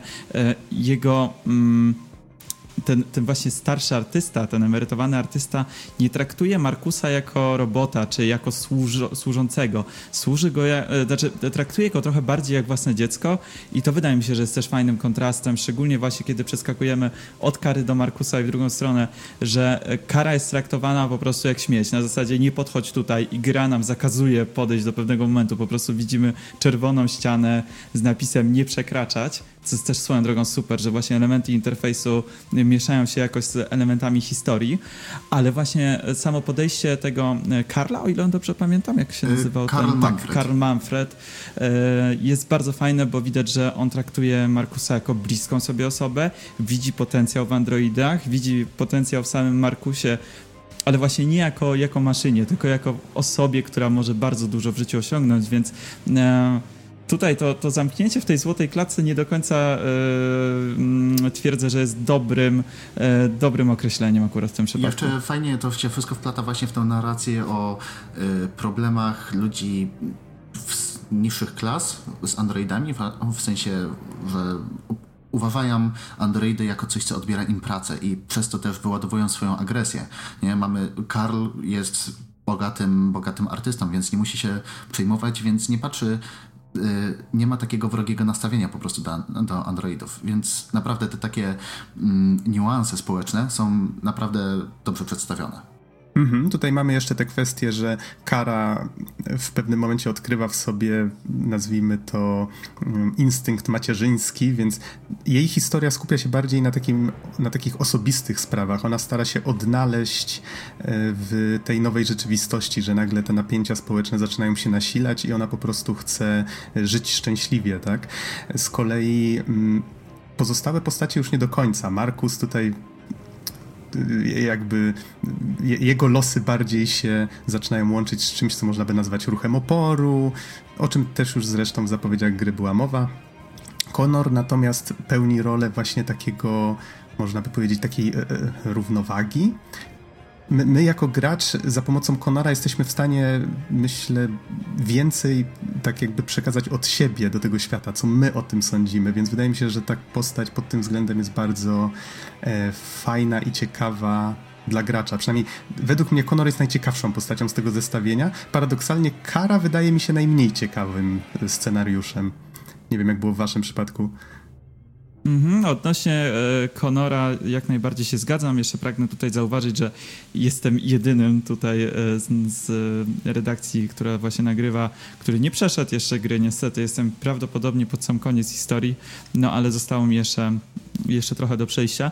Przy czym rzeczywiście Conor wydaje mi się najciekawszy. Wydaje mi się, że e, ta jego przemiana jest najbardziej taka pokazywana w subtelny sposób i naturalny.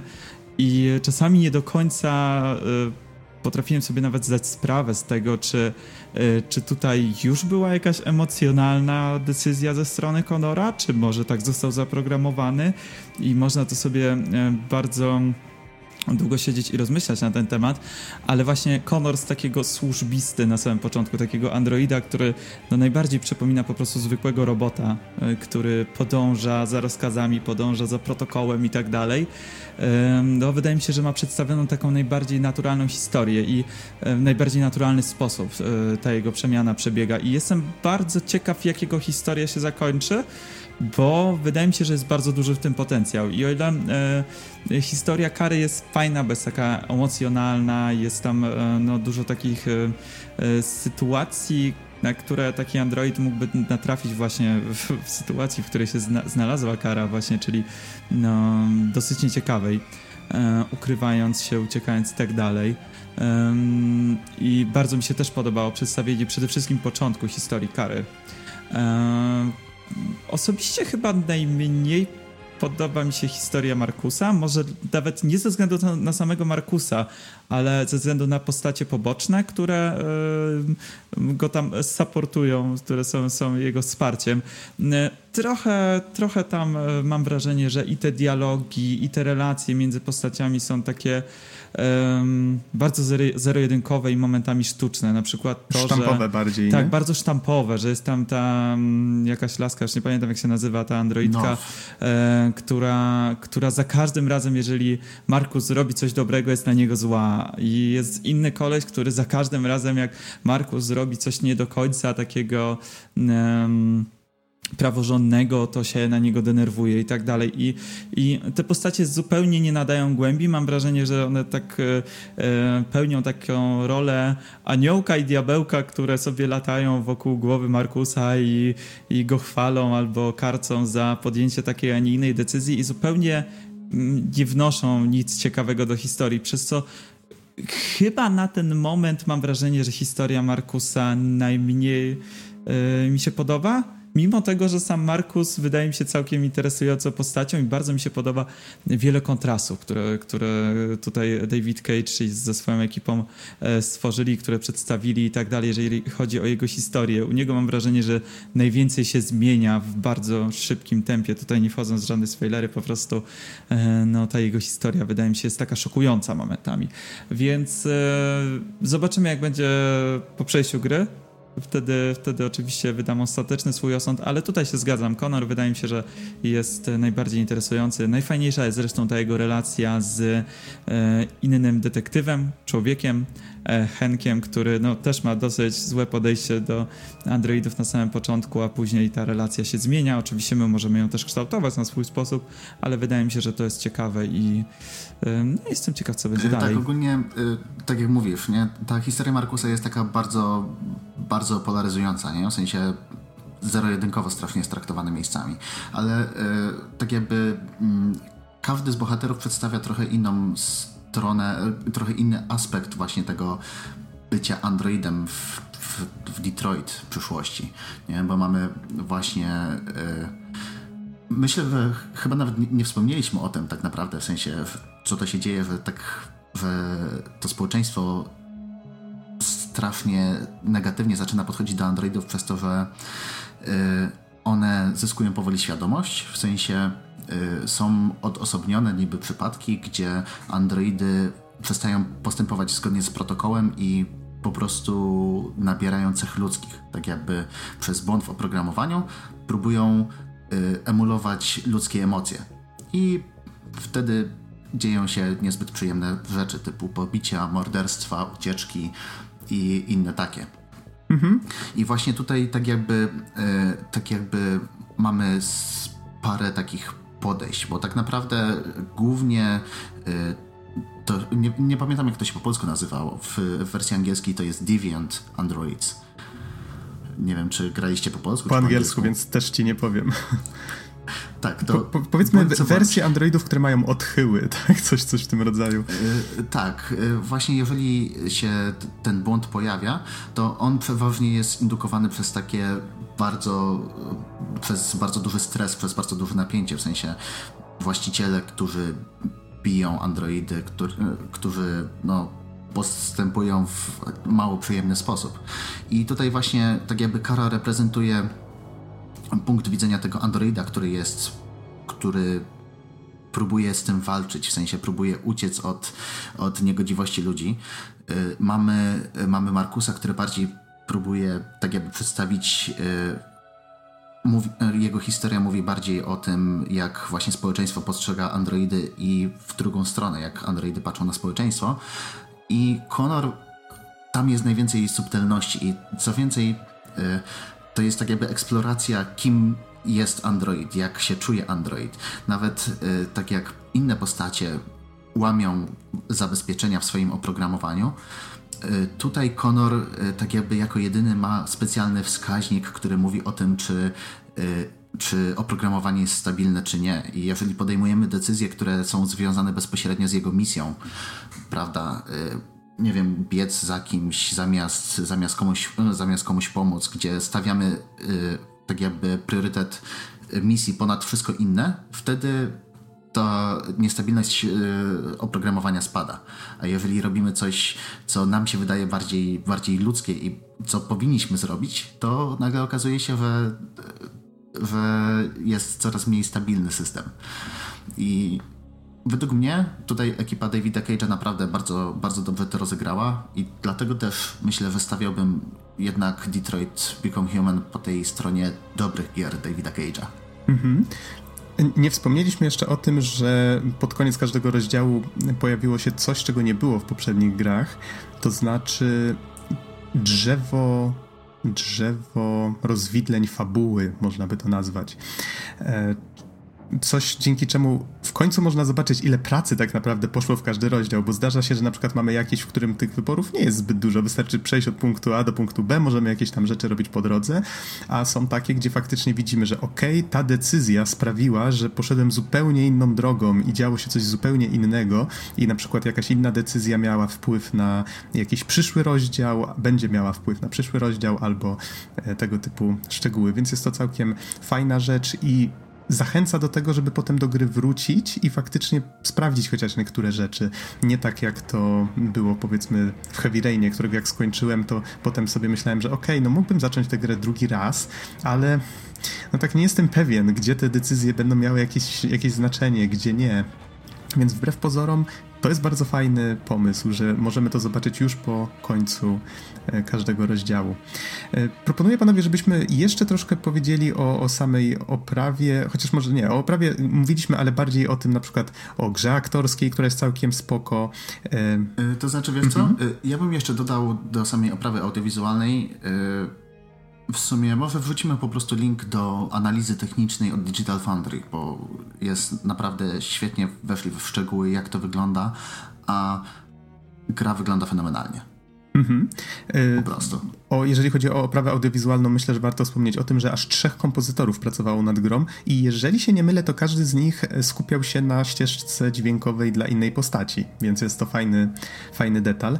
A może o samych aktorach trochę więcej ty, Izzy, chcesz wspomnieć? Yy, tak, ogólnie...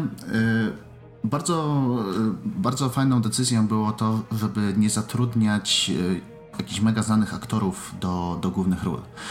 Prawda? Tutaj zarówno Kara, Markus, jak i Connor to, to nie są jacyś mega znani aktorzy, ale według mnie bardzo fajnie się wcielili w swoje role, odegrali te postacie i naprawdę tchnęli w nie nieco życia. Potem e, Zresztą na E3 pojawił się aktor, e, który wcielał się w Conora, w odpowiednim stroju, z odpowiednim uczesaniem i po prostu wyglądał fenomenalnie, bo był jak kalka z gry. A, tak, on w ogóle... Y, y, bardzo dużo fanów w ogóle się skupiło wokół niego na, na Instagramie i innych mediach społecznościowych, ponieważ on był takim, on jest takim śmieszkiem trochę, nie? Na zasadzie od, e, miał odpalony demo Detroit, do tego był uczesany i wszystko, wszystko ogarnięty na Conora, nie? Zrobił taką samą minę jak na ekranie, strzelił sobie selfie i napisał, hmm, ten, ten koleś mi kogoś przypomina, nie? I masa takich sytuacji, więc on naprawdę fajnie się wcieli, fajnie, fajnie poprowadzili całą społeczność i no życzę im samych sukcesów, naprawdę, fajnie to było zrobione. I co ciekawe, y, zatrudniono pa, paru znanych aktorów do y, ról pobocznych, choćby y, Hank, porucznik, porucznik policji, który współpracuje z Connorem przy całej sprawie, został zagrany przez Clancy'ego Browna, który grał m.in. wskazanych na Shawshank, oraz Karl Manfred, o którym wspominaliśmy, właściciel Markusa, był grany przez Lans Lansa Henriksena, który grał androida w Obcym, grał Karla Bishopa Waylanda. Więc to też jest y, jak ktoś, ktoś siedzi w temacie, to właśnie można było wyczaić, że on tutaj koleś, który grał wcześniej Androida, gra człowieka. Zresztą to jest o tyle fajne, że patrzyłem na niego i tak, kurczę, jak ja skądś znam, tak? I dopiero jak uświadomiłeś mi, że to właśnie grał w obcym, to sobie zdałem sprawę skąd. Okej, okay, panowie, myślę, że naj wyższa pora podsumować, czy faktycznie dobrze żeśmy się przy Detroit bawili, czy nie. Może z takich jeszcze suchych informacji, gra jest na, i tutaj, tutaj nie jestem pewien, ale wydaje mi się, że na kilka, kilkanaście godzin. W moim przypadku jestem prawie pewien, że było to powyżej 10 godzin. E, plus właśnie ta zachęta w postaci tego, że możemy iść różnymi ścieżkami. I no właśnie, Easy. Ty już wspominałeś, że to jest właściwie według ciebie gra jedna z lepszych gier Cage'a, tak? Tak, ogólnie tak jak, tak jak już powiedziałem wcześniej, to jest, dla mnie to jest trochę guilty pleasure, na zasadzie widzę, widzę problemy, widzę błędy, widzę, że nie trzymają się kupy i masa takich głupich decyzji, plus do tego mówię, sterowanie mi nie podeszło osobiście, więc tak czysto designersko po prostu mam pewne zgrzyty, ale, ale z drugiej strony bawiłem się naprawdę dobrze.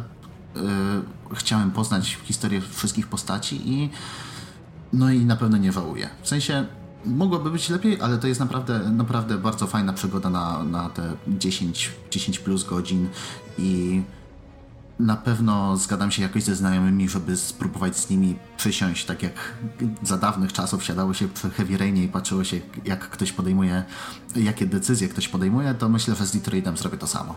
Mhm. To w moim przypadku również się bardzo dobrze bawiłem, wręcz zaskakująco dobrze można by powiedzieć. I cieszę się, że podobnie jak Heavy Rain, który też podobał mi się tą swoją spójnością. To, spójność to jest według mnie słowo klucz tutaj pod tym względem, że gry Davida Cage'a mają ten problem, że bardzo często potrafią odbiec od pierwotnych założeń i to jest duży problem. Czyli Fahrenheit, pierwsza gra, w którą grałem, bo wiem, że wcześniej wydał jeszcze bodajże No Micron Nomad Souls, czy Soul, które Rezil bardzo często mi polecał, ale, ale ostatecznie nigdy nie grałem, ponoć jest bardzo fajne. Niemniej Fahrenheit i y, Beyond Two Souls miało te problemy, że na początku zapowiadało się całkiem spoko, miało dużo plusów i im dalej w las, tym bardziej ta gra stawała się czymś zupełnie innym niż była na początku i z reguły niestety robiła się gorsza. To tutaj właśnie podobnie jak Heavy Rain, założenia te pierwotne, one są zachowane i faktycznie ten świat jedynie się pogłębia, robi ciekawszy, więc to to działa, to po prostu działa i wydaje mi się, że ta formuła, którą sobie mm, to studio wymyśliło, opracowało przez te lata, ona idealnie po prostu się sprawdza w przypadku Detroita i no cóż, myślę, że to jest po prostu gra, w którą warto zagrać. Trzeba tylko pamiętać, że nie jest to takie rasowe, twarde science fiction, tylko coś nieco innego. E, no słuchaj, e, podobnie jak, e, podobne mam zdanie do, do ciebie i z jego, no, tak jak mówię, elementy składowe są naprawdę fajne, te pojedyncze historie, pojedyncze epizody są i ciekawie zrobione, i nawet nie najgorzej napisane, i, i fajnie pokazują naszych bohaterów i to, z czym się muszą zmierzyć. E, z drugiej strony, jeżeli to się wszystko złoży do kupy, to już jest troszeczkę gorzej. Widać tam dużo więcej niejasności, jakichś błędów w logice i tak dalej, i tak dalej. Ale wydaje mi się, że mm, nie do końca o to chodziło, żeby pokazać jakiś nie wiadomo jaki e, spójny świat sci-fi i tak dalej. Bardziej chodziło o wywołanie emocji, wywołanie e, jakichś. Mm, u nas graczy no, myśli, które, które mogłyby nas do czegoś doprowadzić, do jakiejś konkluzji i tak dalej.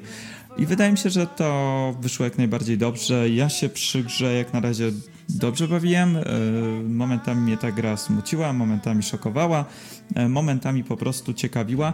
Przyznam szczerze, że e, też nie było chyba praktycznie żadnego momentu, w którym mi się nudził. To znaczy, za każdym razem, w każdej scenie działo się coś według mnie znaczącego i ciekawego, więc e, też gra nie ma jakichś problemów, nie wiem, e, z pacingiem, czy, czy mm, jakichś problemów, że, że nagle robi się bardzo nudno, czy nieciekawie, czy, e, czy gdzieś tam ten poziom głupoty, powiedzmy, wylatuje poza skalę.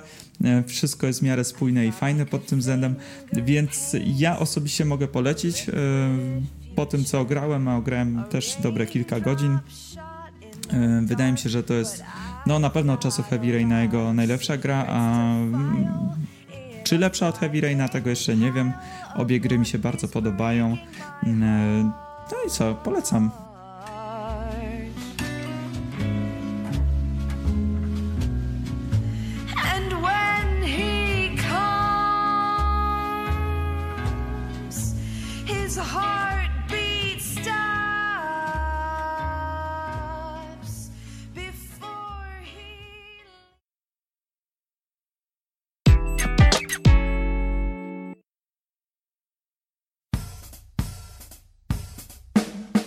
To już wszystko na dzisiaj. Dziękujemy Wam bardzo za uwagę i do usłyszenia w następnym odcinku. Trzymajcie się. Do usłyszenia. Na razie.